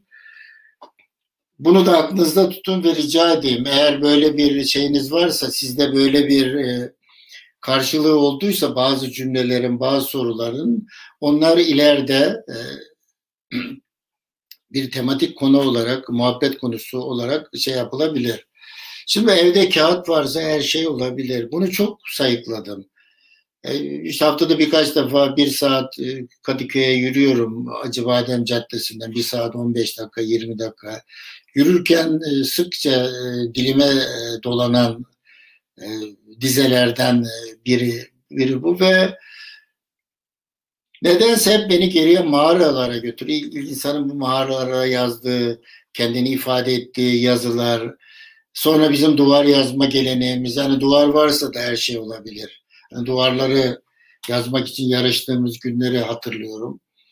Ama burada iki, iki şey var. Bir ev var, bir kağıt var. İkisi. Evde kağıt var. Bir ev var ve kağıt var. Kağıdı biliyoruz işte e, şey, bir yazmaya kışkırtır bizi vesaire vesaire. Şimdi ev daha önceden de bir eve dönüşten de söz etmiştim. Orada şöyle bir çelişkiyi de yaşıyoruz. Aslında yuvanın daha kıymetli bir şey olduğunu, hani kuşların yuvası vardır, bizim evimiz vardır deriz ya biz. Yuvanın zamanla eve dönüşmesinin bir e, evin giderek emla dönüşmesi, hatta insanların giderek emla dönüşmesi, hatta insanların giderek devlete dönüşmesi, modelin, çağımızın modelinin devlet olması nedeniyle insanın giderek e, evin, insanın giderek emla ve devlete dönüşmesi meselesine bağlı olarak böyle insandan neden şüphelenmiyoruz diye bir soru hep aklıma geldi. Tamam ev düş kuran bilinçtir. Ev bizim işte bu ev, odada benim işte yazdığım, çizdiğim bir e, odadır. Her birimizin e, sığınağıdır aynı zamanda. Fakat işin daha felsefi, daha e, uzun vadeli bakıldığı zaman yani evle ilişkimizin evin her odasındaki sırların ayrı olması, ev, evdekilerin birbirlerine işte sırları paylaşmaları veya sırdaş olmamaları şeklinde pek çok pek çok pek çok şey yapabiliriz. Okuma yapabiliriz burada. Yani bu evi ev evden ve insan diye tanımladığımız varlıktan şüphelenmemiz gerektiği üzerine bir şey. E, hiç şüphelenmediğimiz şeyler var bizim. Mesela Gül'den şüphelenmiyoruz. Aslında Gül'ün de aleyhine konuşabilir. Konuşabilir, biliriz. İşte devrimden şüphelenmiyoruz. Devrimin de aleyhine konuşabiliriz. Hele de olan devrimlerin aleyhine. İşte aşkların aleyhine konuşabiliriz. Mesela böyle kutsamalar ve tabu ve tabu üzerinden gittiği için bazı şeyler bundan neden şüphelenmediğimizi e, de konuşmak istiyorum. Aslında bu evcilik bağlamı falan da buna da bağlı. Ama kağıt evde kağıt varsa her şey olabilir yazmanın çok kıymetli bir şey olduğunu bilen yani en azından kendim öyle hisseden bir, biri olarak bunun okumayla bağlantısını bildiğiniz bir cümle. Bunca okumamaya nasıl vakit e, bulabiliyoruz meselesi. Yani burada gerçekten e, benim son 30 yılım çok sevdiğim arkadaşlarımla dil kuramamak üzerine de kurulu. Yani çünkü 12 Eylül'den sonra okumaların bırakıldığı bir süreç yaşadık biz. İşte önce okuma durdu, düşünme durdu, öğrenme durdu. İşte hapishanelerde biraz okundu. Ondan sonra da yani tek tek okuyan insanları bunun dışında tutarak söylüyorum. Genel olarak bir okumama hali bu memlekette çok e, yaygın bir hal. Yazmama hali bir yaygın e, bir, bir hal. Tabii okumanın her şey olduğunu, yazmanın her şey olduğu gibi böyle e, tersinden okumayı veya yazmayı, yazarlığı, şairliği, sanatçılığı kutsayan bir yerden e, konuşmuyorum. Yani bunu bilmenizi isterim veya biliyorsanız da altını yeniden çizdiğimi söylemek isterim. Burada iki örneği hatırlatmak isterim. Özellikle bu muhabbette beni de yeniden tanıyan arkadaşlarımız açısından. Birinci de Yaşar Kemal'e ait bir hikaye. Birkaç yerden okudum hem de duymuştum bunu. Aslında e, bir portreyi de size hatırlatmak isterim. E, Abidin Dino. Abidin Dino aslında Abidin Dino için Abidin Dino Taksim'de dolaşırken veya Beyoğlu'nda dolaşırken ordularla dolaşırdı denir. Abidin Dilo dönemin de hani devrimci Kızılay'dır veya entelektüel sanatçı Kızılay'dır. Yani yardım etmediği kimse yoktur. Böyle bir e, özel hali vardır abi. Nazım başta olmak üzere yardım etmediği kimse yoktur. Sürgünlerle geçer hayatları tabii ki söylemeye giriyor. Adana'da yaşadığı Arif Dino'nun da yine izleyen arkadaşlar hatırlaydı. Arif Dino da şair ve aynı zamanda heykeltıraştır abi. E, kitabı basılmış kitabı vardır ama şey yapar. Mesela bir yere gider meyhaneye şiir yazar bırakır. Yani böyle büyüksüz bir şeydir. Yani kim ait veya bir heykel yapar orada bırakır giden çok nevi şahsına münasır özel e, okumamız gereken biridir. İşte Abidin Dino Adana'da yaşadığı sürgünden Adana'ya, sürgünle Adana'ya aldırdığı dönemde şeyde genç bir çocuk Yaşar Kemal. Yaşar Kemal ile böyle Yaşar Kemal de onların dizi dibinde öğrenmeye çalışıyor. Merak burcuna girmiş vesaire. O koca gövdeli Yaşar, Yaşar abi e, aynı zamanda Dengbej gibi işte hikayeler anlatıyor, hikayeler buluyor vesaire. E, Azrail'in elinden e, bir kere daha söylemiştim. E, insanların bilgilerini ve hikayelerini çalıyor. Yani yaşlı insanları Azrail'in elinden çalıp hikayelerini çalıyor Yaşar abi. Böyle bir Yaşar abi. İşte bir gün Abidin Dino ile buluşuyorlar. Abidin Dino da o arada arazisini mi ne satmış Adana'da. Diyor ki git diyor kitapçıya bir kitapçıya söylüyor Adana'da. E, sana diyor işte epey kitap hediye ettim diyor. Onları al. Gidiyor kitapçıya yüz, yüz küsür kitap hediye etmiş. Yani çiftliğini satmış Abidin Dino o parayla yüz, yüz küsür kitabı böyle koliler şeklinde tabi sevinmiş, almış, gitmiş. İşte okumaya başlamış o kısa zamanda. Bir bakmış ki içinde bazı yerlerde 3-5 yazıyorsa da bu önemli değil. Bir bakmış kitapların içinde her kitap tekken bir kitaptan 3 tane var. Bakmış Don Quixote. Üç tane var. İşte okumuş okumuş okumuş. En sonunda e, kitabın birini evde bırakmış. ikisini götürmüş. Demiş ki Abidin Dino'ya bunlar fazla olmuş. Yani bunları başkaları okur vesaire. E, o da demiş ki ben onu bilerek yani o yüz kitabın içine üç veya beş Don Quixote'u koydum. Çünkü bunlar ömür boyu okuyacağın kitaplar. Birini eskirse öbürünü okuyacaksın. Öbürü eskilse öbürünü okuyacaksın. Bunlar ömür boyu okumay gereken kitaplar diye söyle. Şimdi bu örnek bana bu okumazlık halimizi de anlatır. Çünkü o, okumazlık halimiz karşılaştığımız zaman birbirimize şşt de diyemiyoruz. Bir kitap üzerine konuşamıyoruz, bir şey üzerine konuşamıyoruz vesaire. Tabii bir kavram bunamasından, kitap bunamasından da söz etmiyorum. Bir de o da var tabii. Oku oku oku yani kavramsal bunamaya uğrayan burada bunamayı tırnak içine aldım. Özür dileyerek kullan. Derdimi anlatmak için de söyleyeyim. Bu halde var. Bu Don Quixote örneği ve Yaşar Kemal örneğini bir kere daha yeniden okumaya yönelmemiz için bir anekdot olarak e, hatırlatmayı aklıma geldi. Bir de bizim Yusuf Dede vardır. İzleyen Şenol'un esas Şenol'un dedesi tabii. Dedesi dediğim siyasi dedesi. Aslında bizim de işte Yusuf Dede dediğimiz, Yusuf amca dediğimiz büyüğümüzdü. Rizeli eski işte eski TKP, kadim TKP'den bir abimiz. Bizimle oturur kalkardı amcamızdı. Onun kitaplarla ilgisi çok ilginçtir. İşte hapishaneden sonra hikaye uzun bana hep şunu söylemişti. Yani okumaları e, ziyan ettim. E, kitapları ve okumaları ziyan etti kuşağım demişti. Yani bir 12 Eylül eleştirisi ancak kitaplar üzerinden ancak böyle okumaları ve kitapları ziyan ettik uşağım demişti. Yine o dönemde benim Nar kitabımda da vardır. Çok özel bir anekdot, çok özel bir anekdotu paylaşmak isterim. Yatalaktı son dönemlerde. Ee, Yusuf dede ben Atela biz o zaman bir dergi çıkarttık. Telefon ederdi şu kitaptan işte gönder şu kitaptan. Ama dedi ikişer tane gönder. Ben de merak ederdim filan. Sonra öğrendim meğer yatalak olduğu için aslında bu çok e, hani çok kıymetli hikaye gelir bana. Yatalak olduğu için bir taraftan bir tarafa işte gelinimi döndürüyor, oğlumu döndürüyor. Diyelim ki bir kitap okuyor, Don Quixote okuyor diyelim ki. İşte 700. 600. sayfayı okuyor. Burada 600 sayfa açık.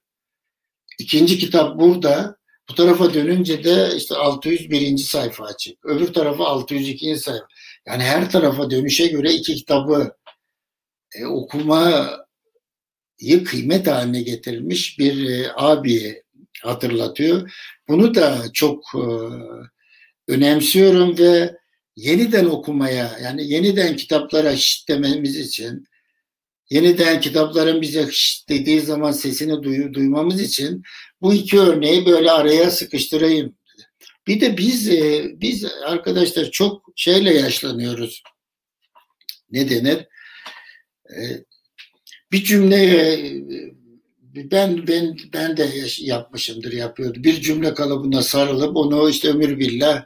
Mesela bunlardan biri günümüzde çok temel ihtiyacımız olduğu için din afyondur cümlesi. Yani din, din afyondur cümlesiyle 30 yılı 40 yılımızı geçiriyoruz.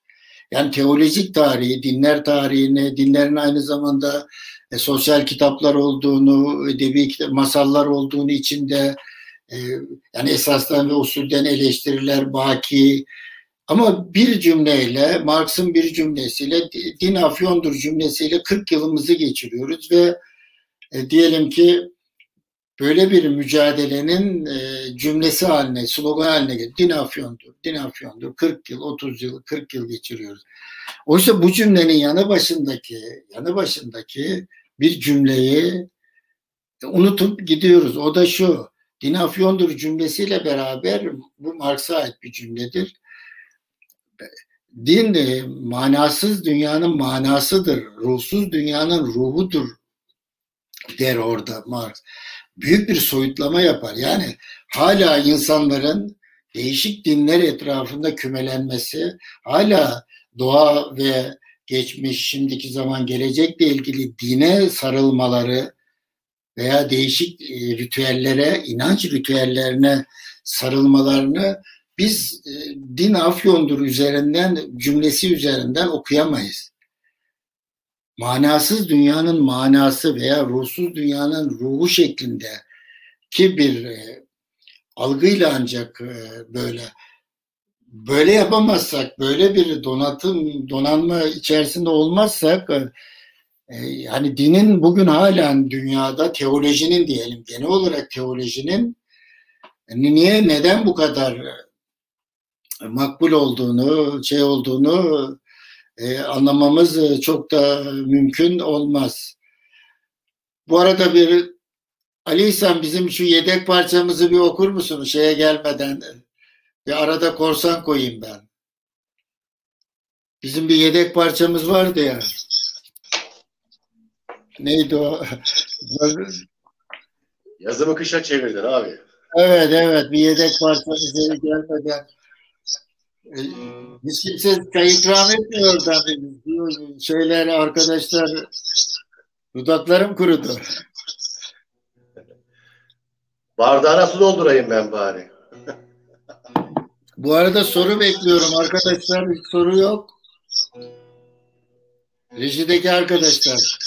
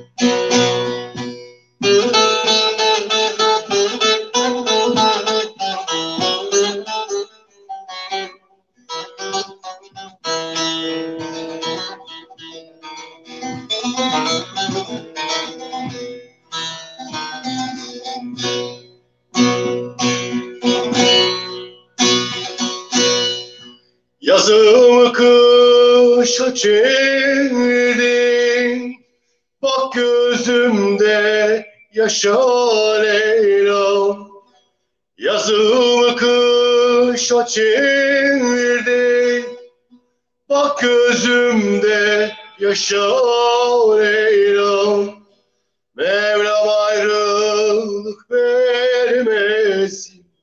Gökte uçan kuşa Leyla'm Gökte uçan kuşa Leyla'm Kuşa Leyla'm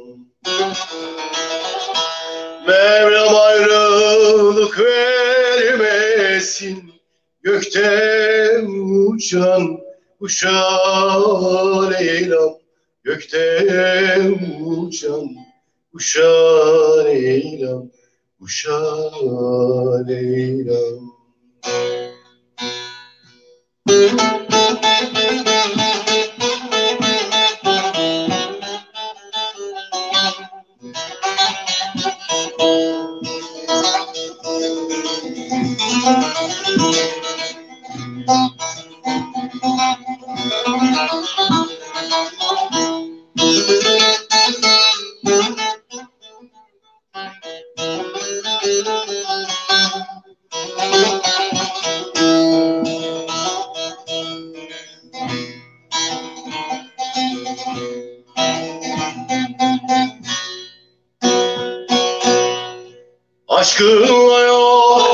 sinemi Aldın gittin benden beni.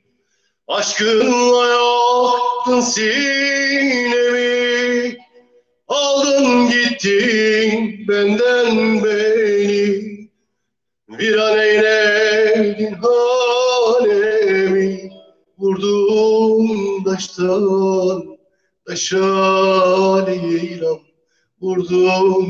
taştan Taşa Leyla'm Taşa Leyla'm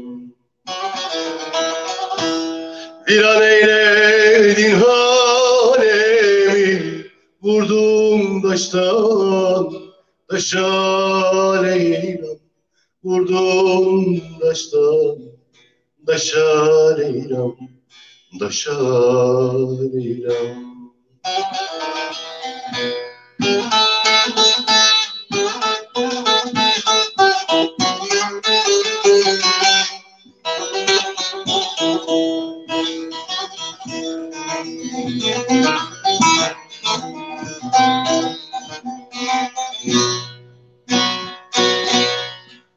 an gözümde perdesin. Nereye baksam hep oradasın Her an gözümde perdesin Nereye baksam hep oradasın Böyle kader, böyle zulüm Gelir garip. Başa Leyla'm Gelir garip. Başa Leyla'm Başa Leyla'm Böyle kader, böyle zulüm. Gelir garip başa Leyla'm. Gelir garip başa Leyla'm. Başa Leyla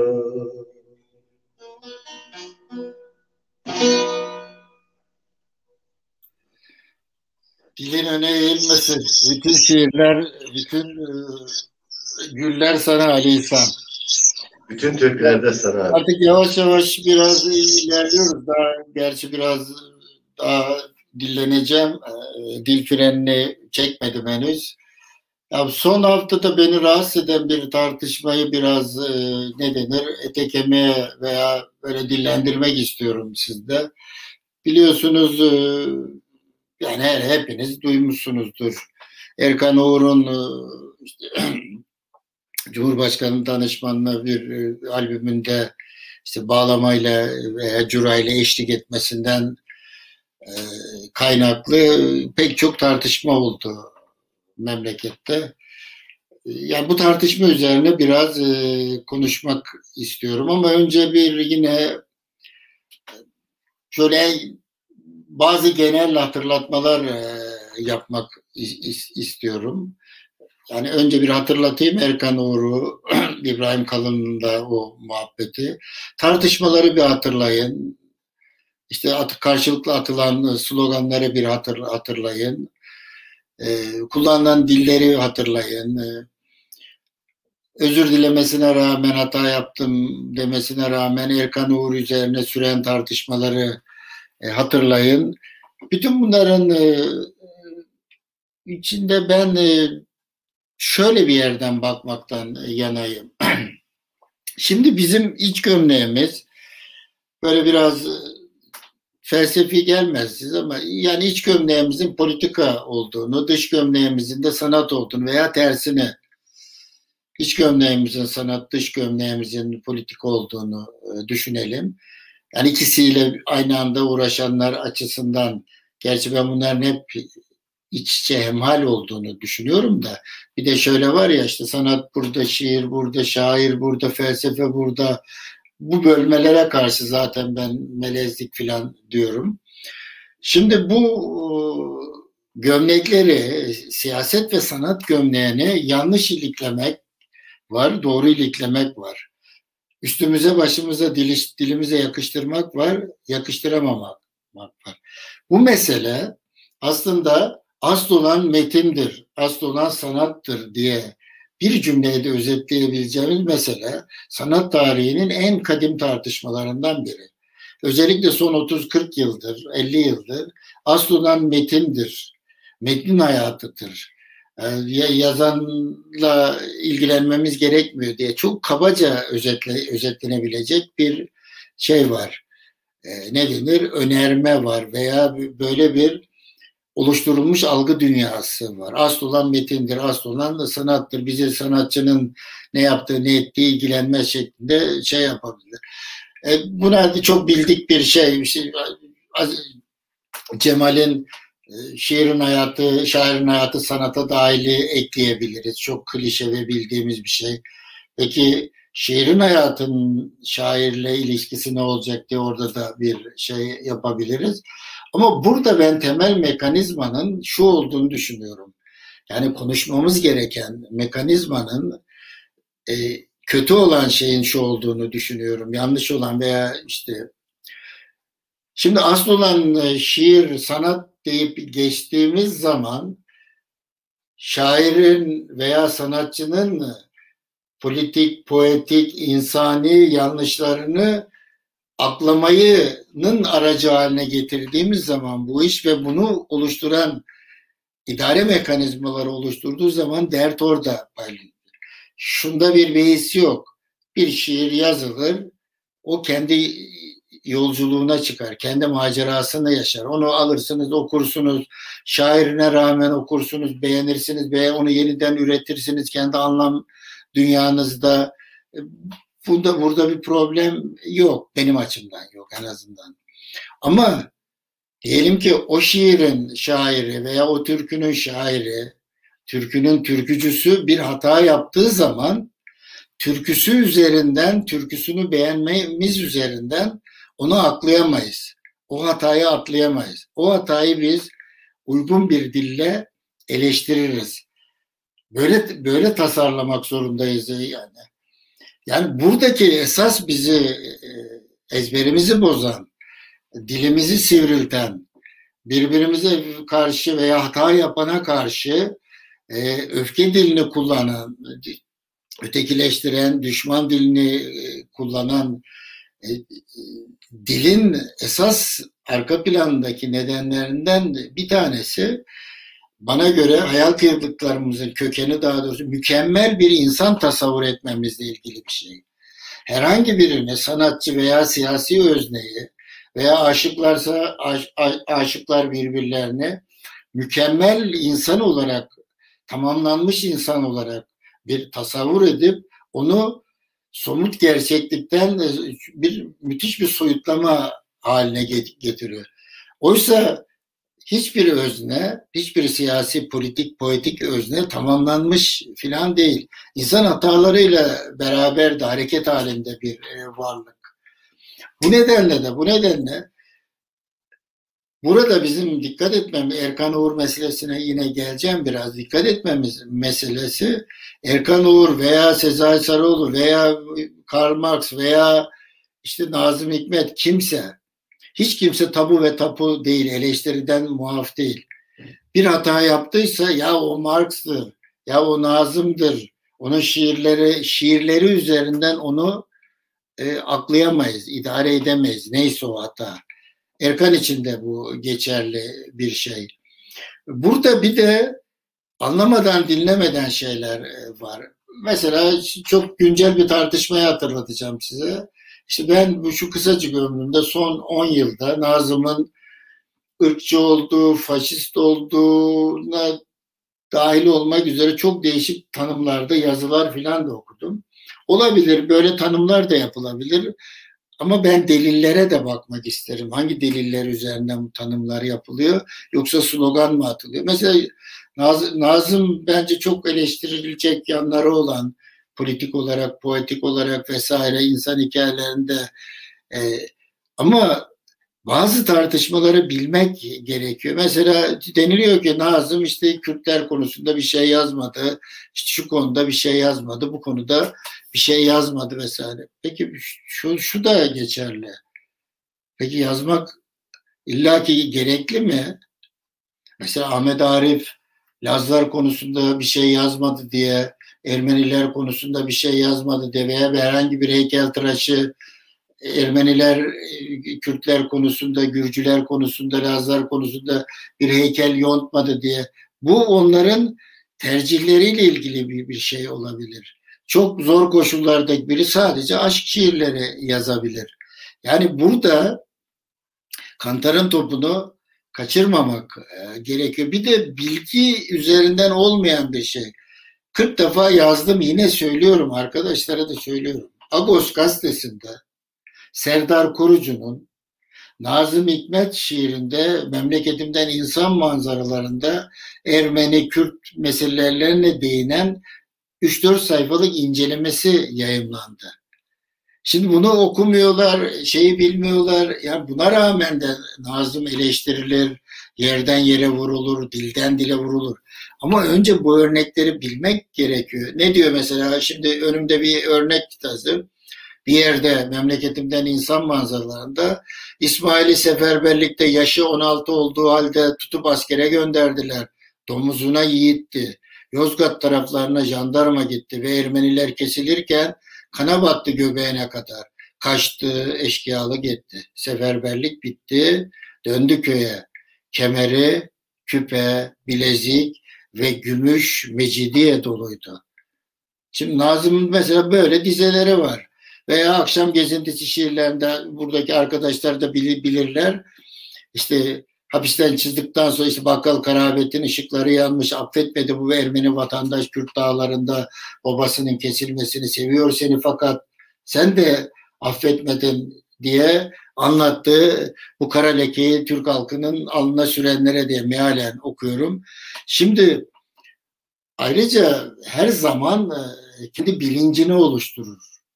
Mesela biz 12 Eylül'den önce azınlıklar meselesini bilmiyorduk. Azlar meselesini diyelim. İnsan hakları meselesini bilmiyorduk. Anarşizmi bilmiyorduk. Feminizmi bilmiyorduk. Bilmiyorduk. Ekolojik mücadeleyi bilmiyorduk. Bilmiyorduk. Bilmiyorduk. Bil, bilmiyorduk. O dönemin aklı buydu. Biz bunları neden bilmiyorduk üzerinden kendimizi eleştirmeliyiz.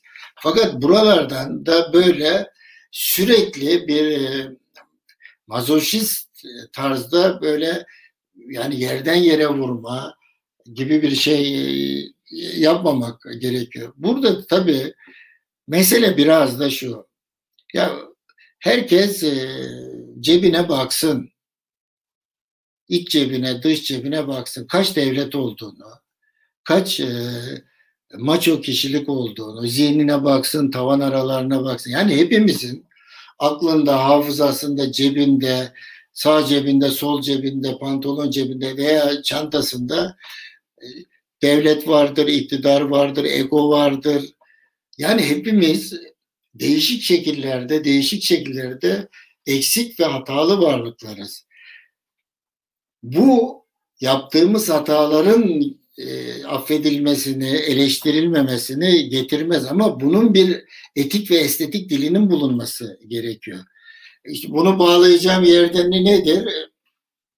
İşte derviş halli bir arkadaşı arkadaş Erkan Uğur işte bildiğimiz, e, dinlediğimiz e, kendine göre edası, tavrı olan bir bir arkadaşımız arkadaş e, işte başta anlattığım gibi bir albüme işte eşlik, eşlik ediyor. Bunun üzerine bir tartışma çıkıyor ve özür diliyor. Şimdi burada benim gördüğüm, benim gördüğüm yani çok az etik ve estetik eleştirinin dışında bir düşmanlaştırma dili, düşman dili kullanıldığı, yani öfkemizi estetize ettiğimiz zaman biz apolitik mi oluyoruz? Yanlışı görmezlikten mi geliyoruz? Oysa tam tersine estetize ederek e, eleştirmek hem e, daha işlevsel değil midir? Bu nedenle de hep ben e, buğday ekmeğin yoksa buğday dilin de mi yok derim. Buğday dili gerekli bize. Hani Edip Cansever'in sıkça söylediğim, hikayeleştirdiğim bir şey var. Bir kasabada Ruhi Bey diye bir adam varmış, çiçek satıcısı, dava bir biri varmış, kadın mı erkek mi olduğunu e, bilmiyoruz. Ruhi Bey döner dolaşır gelir ondan çiçek alırmış ve orada da çiçeklerin e, çiçek satıcısı üzerinden Edip Cansever bir şey yapar. Bir hikaye anlatır işte. Ruhi Bey gelir döneşir dolaşır çiçekleri benden alırdı. Nedense benden alırdı. Çünkü ben çiçekleri biçimli tutardım der. Yani bizim çiçekleri biçimli tutmamız gerekmiyor mu? Dilimizi biçimli birbirimize karşı, en e, zor koşullarda bile dilimize karşı ayrıca da şunu da söylemeden etmeyeceğim. Ben mesela Ahmet Altan'ı çok güncel konulara giriyorum ama buna da biraz e, gerekli görüyorum, görüyorum. Ahmet Altan'ın taraf sürecini filan esasdan usulden eleştirenlerden biriyim. Bizzat e, o süreci yakından bilenlerden biri, biriyim. Hatta mağduru da olmuşlardan biriyim filan.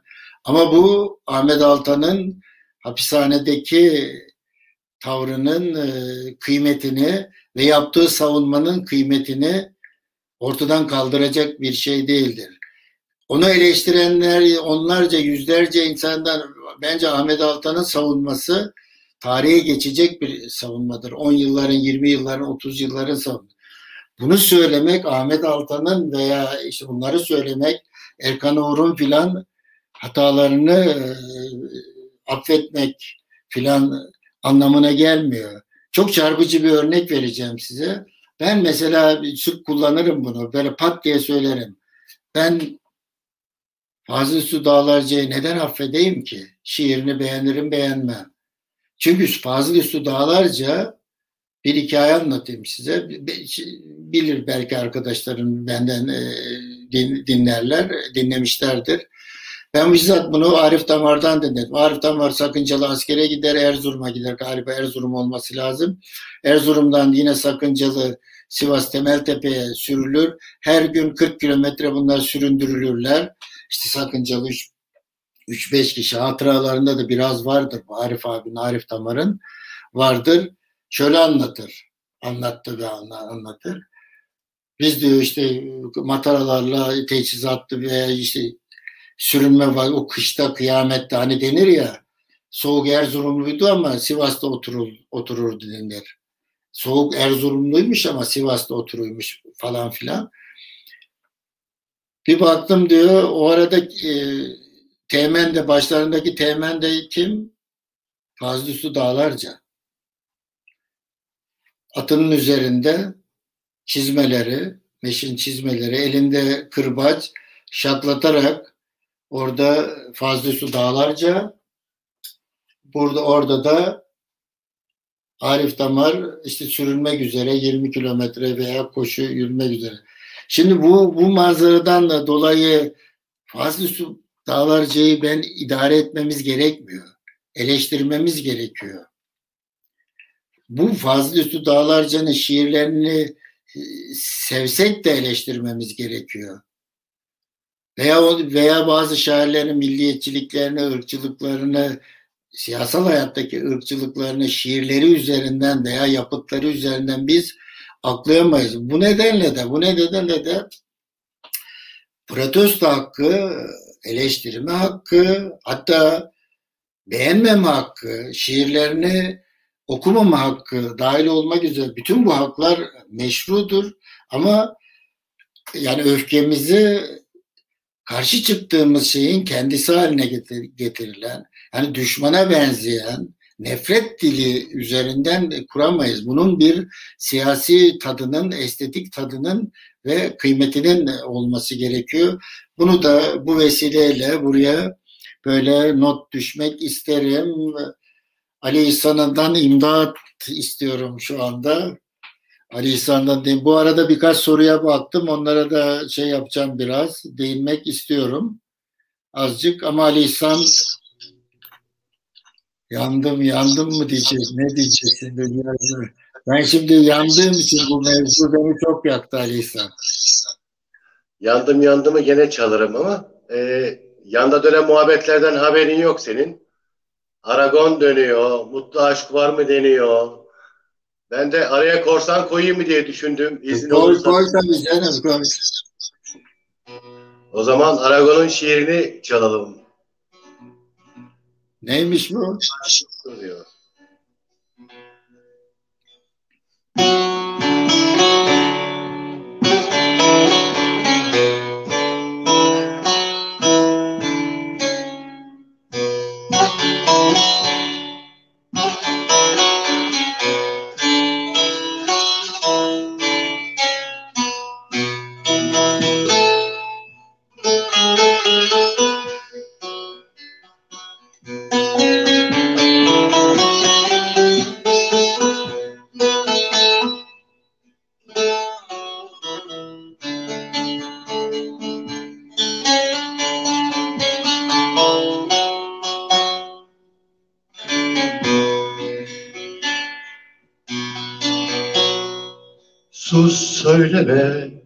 Bir şey söyleme artık.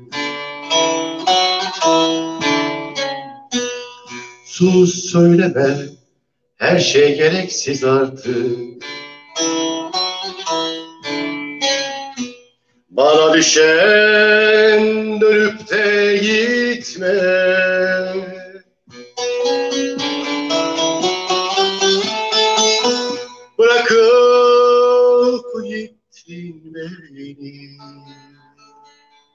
Bir gün yollarda, yollarda. Yeter, yeter söyleme, söyleme artık. Kelimeler kanatır yarayı. Gözleri anlatıyor. Mutlu aşk yoktu, yoktu. Yeter,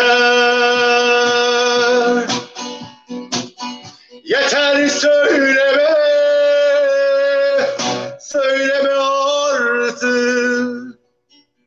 Kelimeler kanatır yarayı. Gözlerin anlatıyor. Mutlu aşkı yoktu. Yoktu. Oysa ben sana neler adarmıştım. İçli şarkılar, kırık eskiler. Yüreğimden süzülüp gelen Bırakıp gittin beni. Bir gün yollarda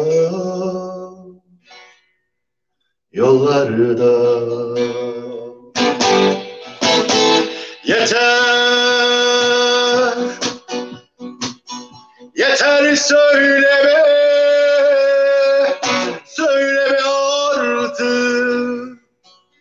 Kelimeler kanatır yarayı. Gözlerin anlatıyor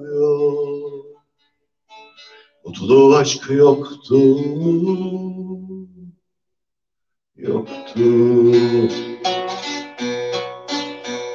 Sus söyleme Her şey ortada artık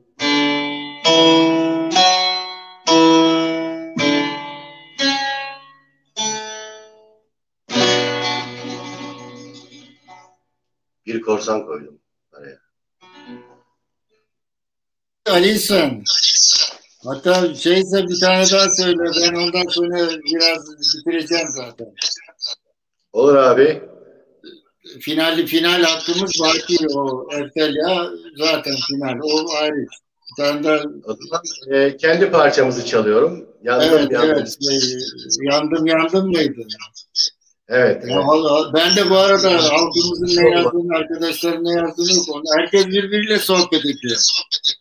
Aynen. Kendi parçamız. Göçebe'nin parçası.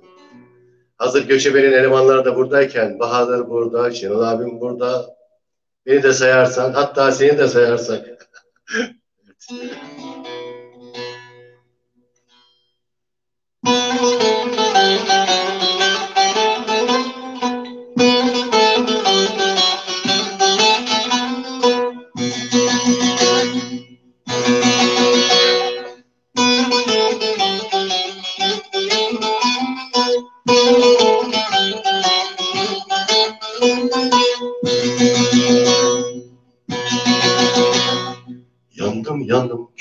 olmadım.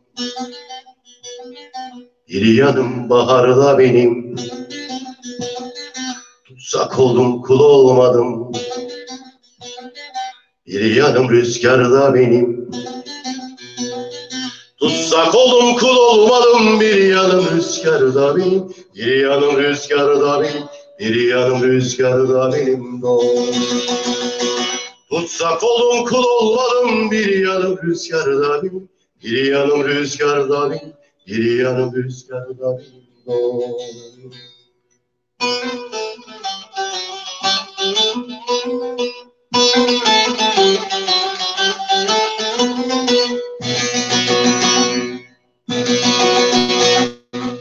Ölünce insan derim, insanadır emeklerim. Ayaz yedi çiçeklerim Bir yanım baharda benim. Ayaz yedi çiçeklerim Bir yanım baharda benim Bir yanım baharda benim Bir yanım baharda benim. Dost Ayaz yedi çiçeklerim Bir yanım baharda benim Bir yanım baharda benim Bir yanım baharda benim. dost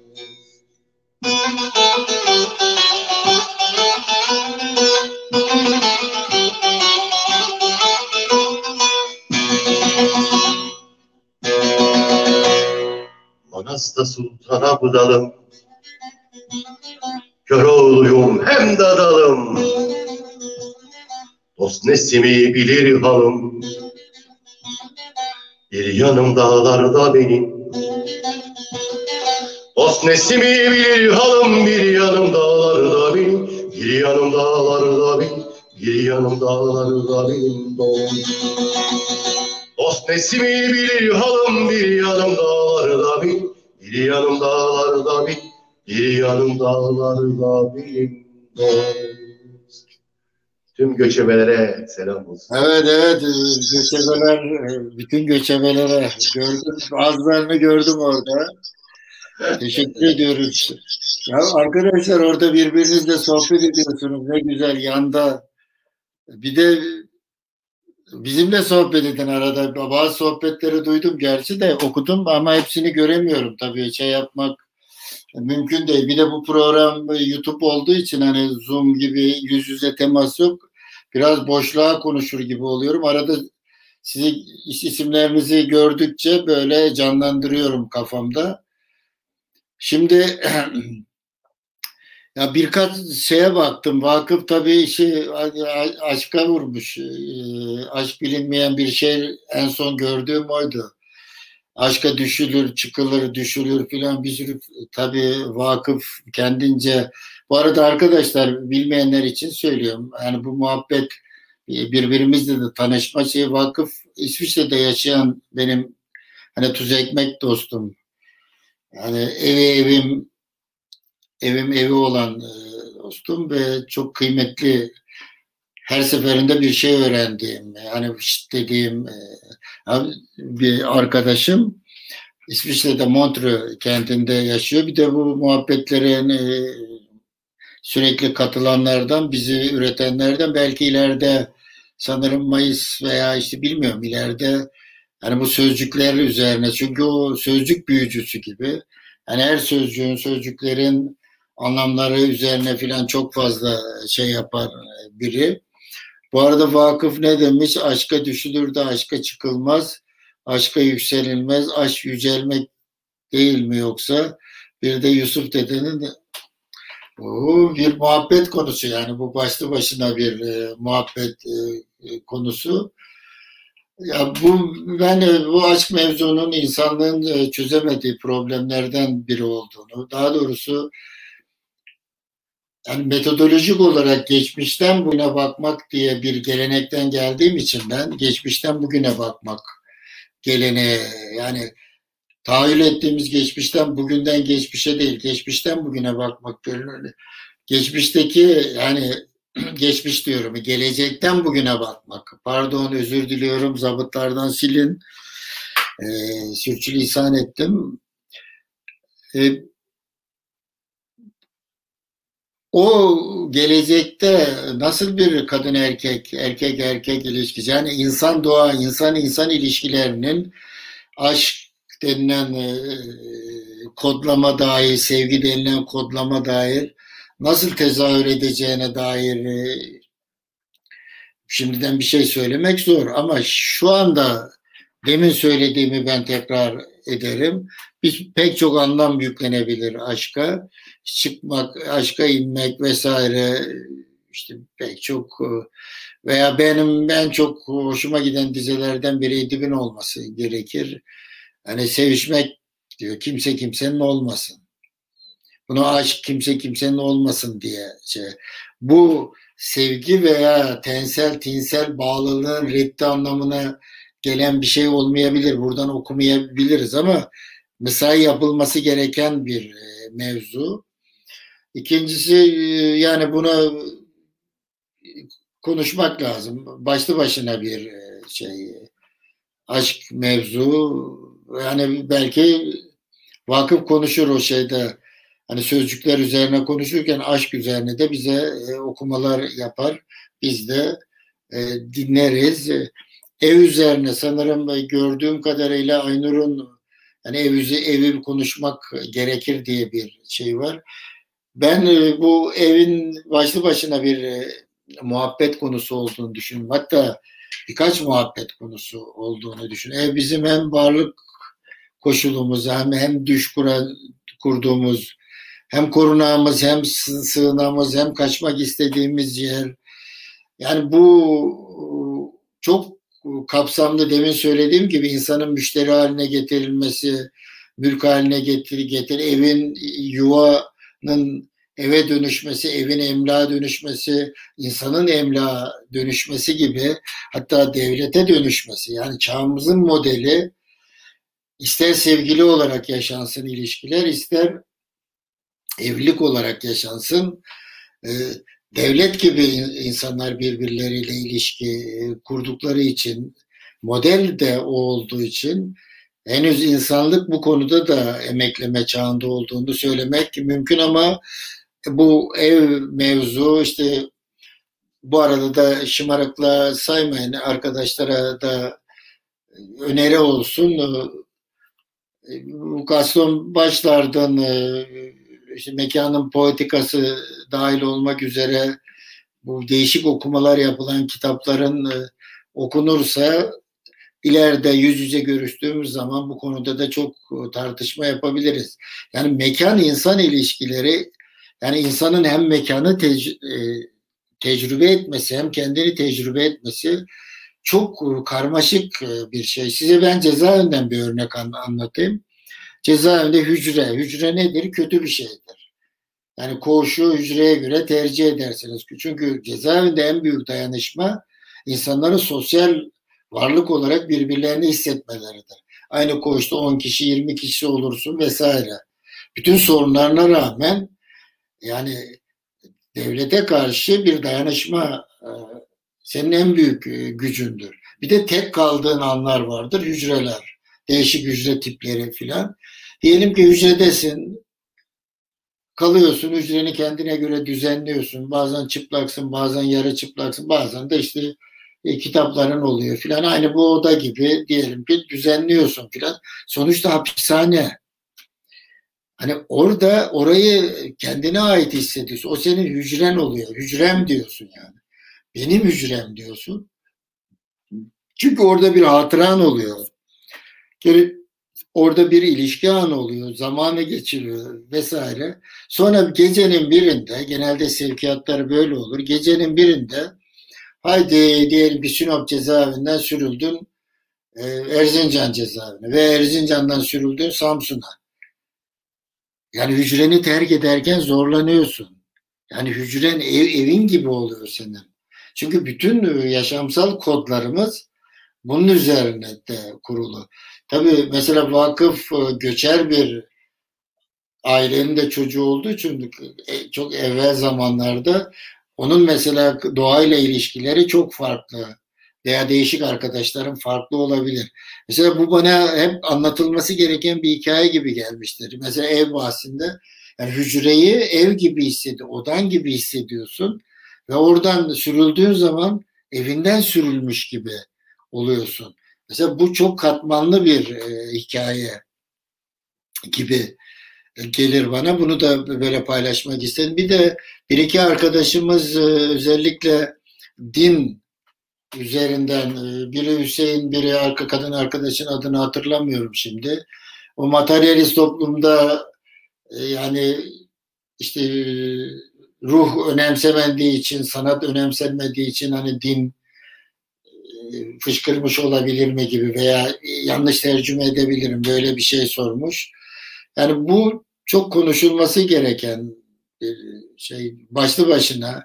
Ben mesela son 5-6 yıldır e, mitoloji ve din üzerine de biraz okumaya e, çalışıyorum. Mesela masal ve hikaye anlatıcılığı da yaptığım için daha doğrusu arada hikaye masal da anlattığım için mesela hikayelerin, masalların, mitolojik metinlerin pek çoğunun kutsal kitaplarda e, değişti çok birbirine benzer ve değişik varyasyonlarla olduklarını gördü. Yani kutsal kitaplar aynı zamanda sosyal metinler, edebi metinler, aynı zamanda işte ruhsuz dünyanın ruhu dediği Marx'ın e, e metinler vesaire bu bunu evet e, Ayten yazmış. Ayten insanın dinlere ihtiyaç belki de anlam ve umut arayışı olabilir. Bulamadıkça çırpındığı, yardım aldığı çığlığı da olabilir mi?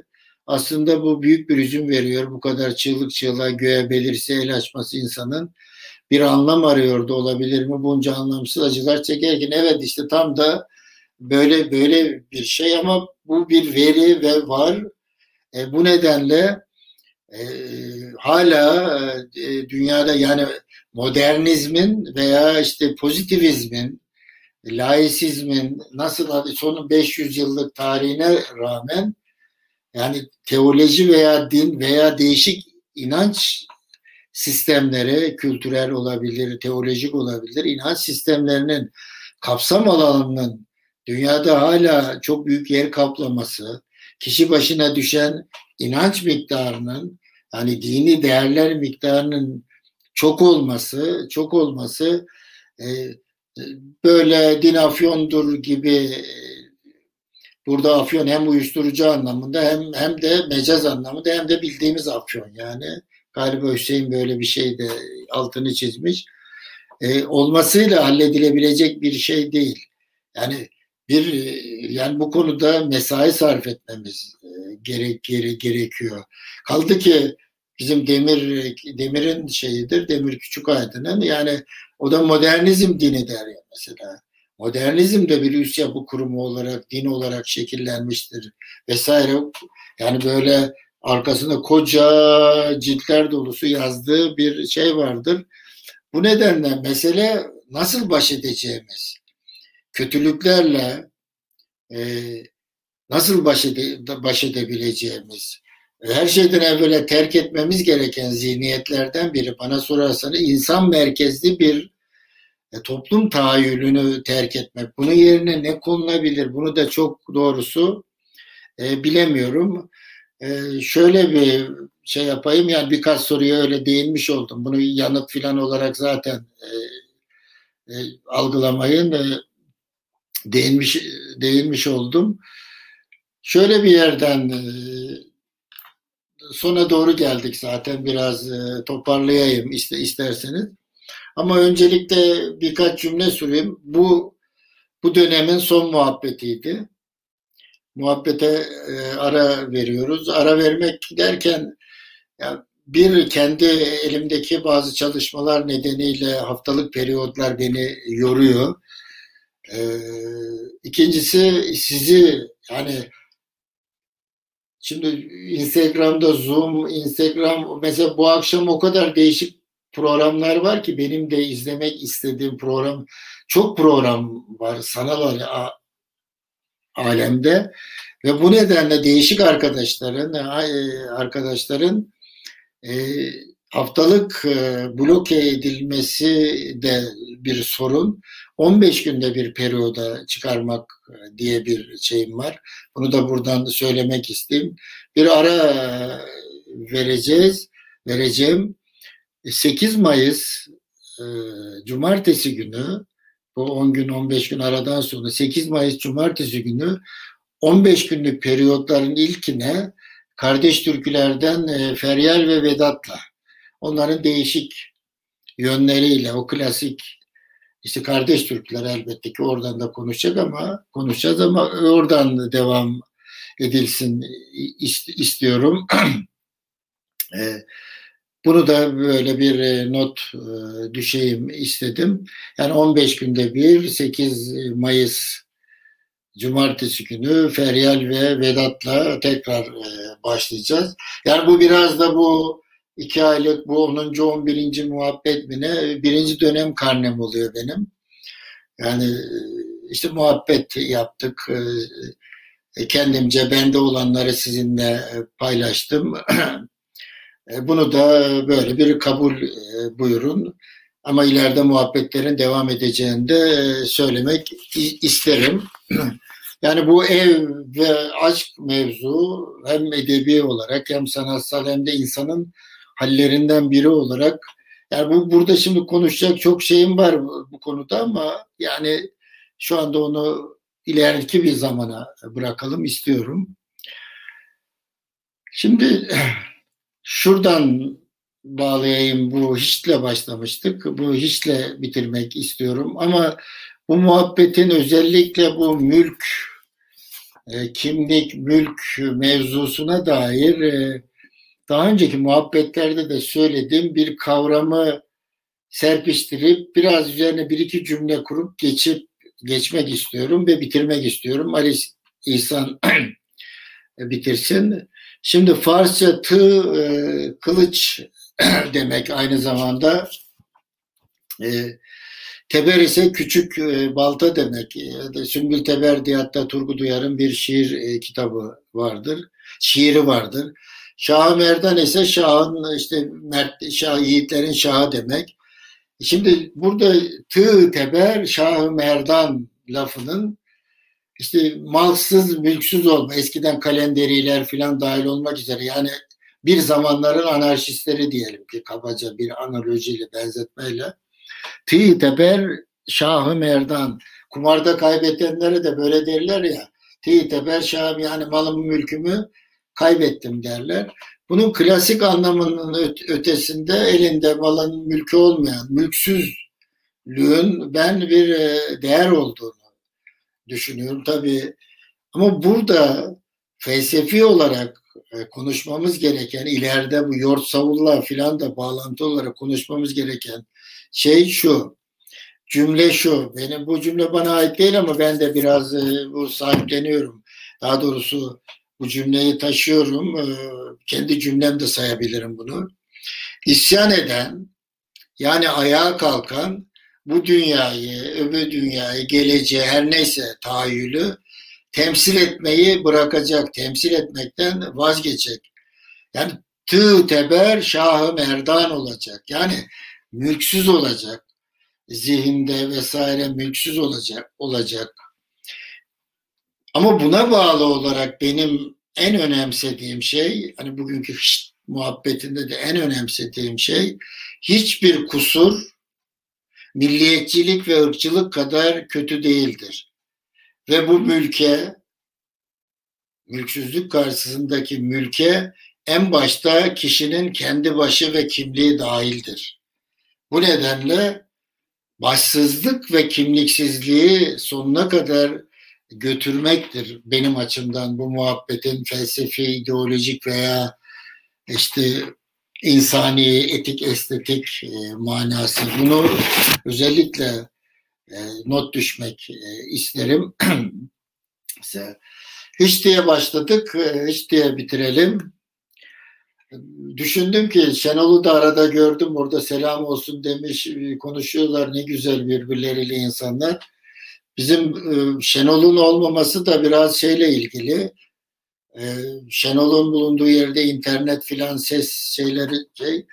Ali İhsan teşekkür ediyorum Ali İhsan'a tabii. Hem şarkıları için hem varlığı için Ali İhsan'a teşekkür ediyorum özel olarak. Bu birinci bölümde Mukavemet TV'ye teşekkür ediyorum. Şimdiye kadar 7-8-10 programı beraber e, yaptık. Düşündüm bir Şenol'un ismini görünce şarkıların biraz kalbini kırdık diye bir de şarkılardan el alalım. Hani şarkı söylemek anlamında değil. Ben bizim ailenin en, en ne denir kötü sesi olanlarından biriyim. En vasat sesi olanlardan.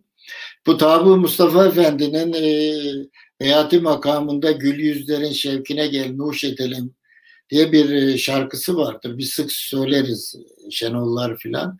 Şimdi o o şarkının meyanındaki yani nakarat bölümündeki iki Mısra'yı da bu muhabbete dahil etmek isterim.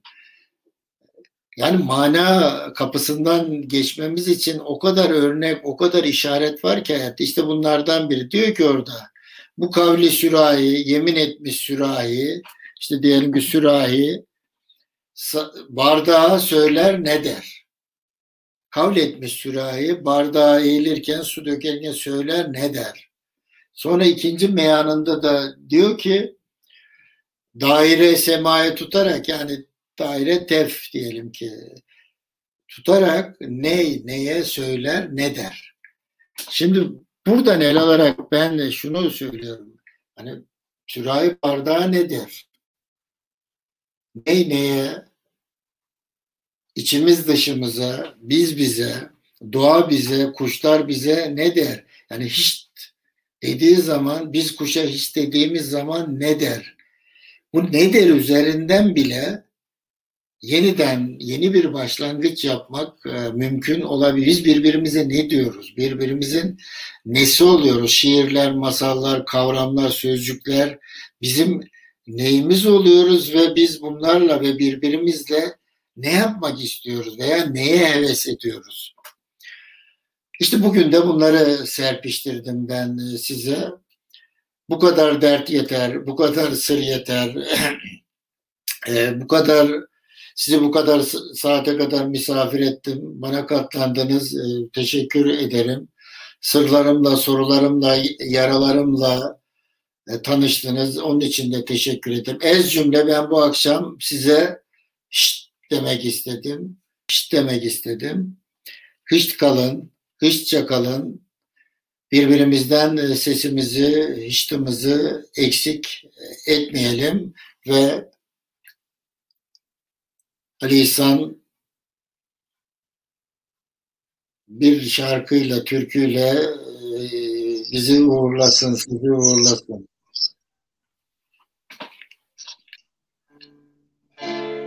Sanırım veda ediyoruz. Yani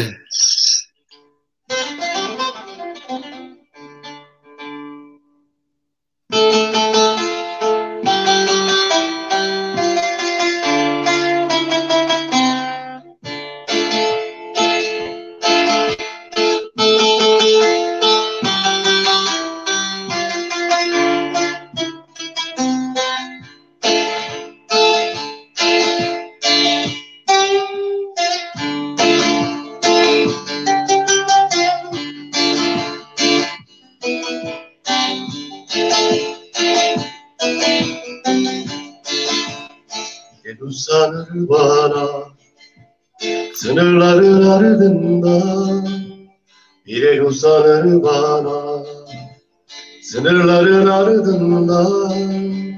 Büyümeli sevdamız Kardeşlik toprağında. Büyümeli sevdamız Kardeşlik toprağında. Ver elini ver bana eftereya Uzansın elimiz eftereya Ver elini ver bana eftereya Uzansın elimiz eftereya Benim divane gönlüm seni ister eftereya Benim divane gönlüm hep seni ister eftereya Aynı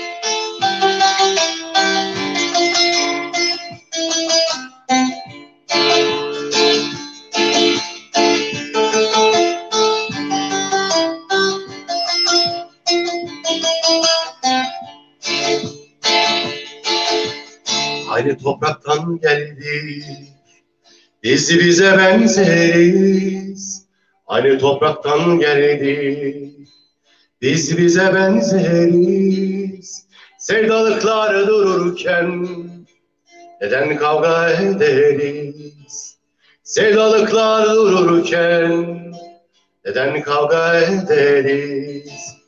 Ver elini ver bana eftereya Uzansın elimiz eftereya Ver elini ver bana eftereya Uzansın elimiz eftereya Benim divane gönlüm seni ister eftereya Benim divane gönlüm her zaman ister eftereya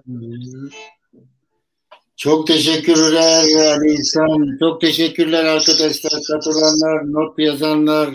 Herkese teşekkürler. Ee, Son cümlemizde hiç getirenleriniz çok olsun.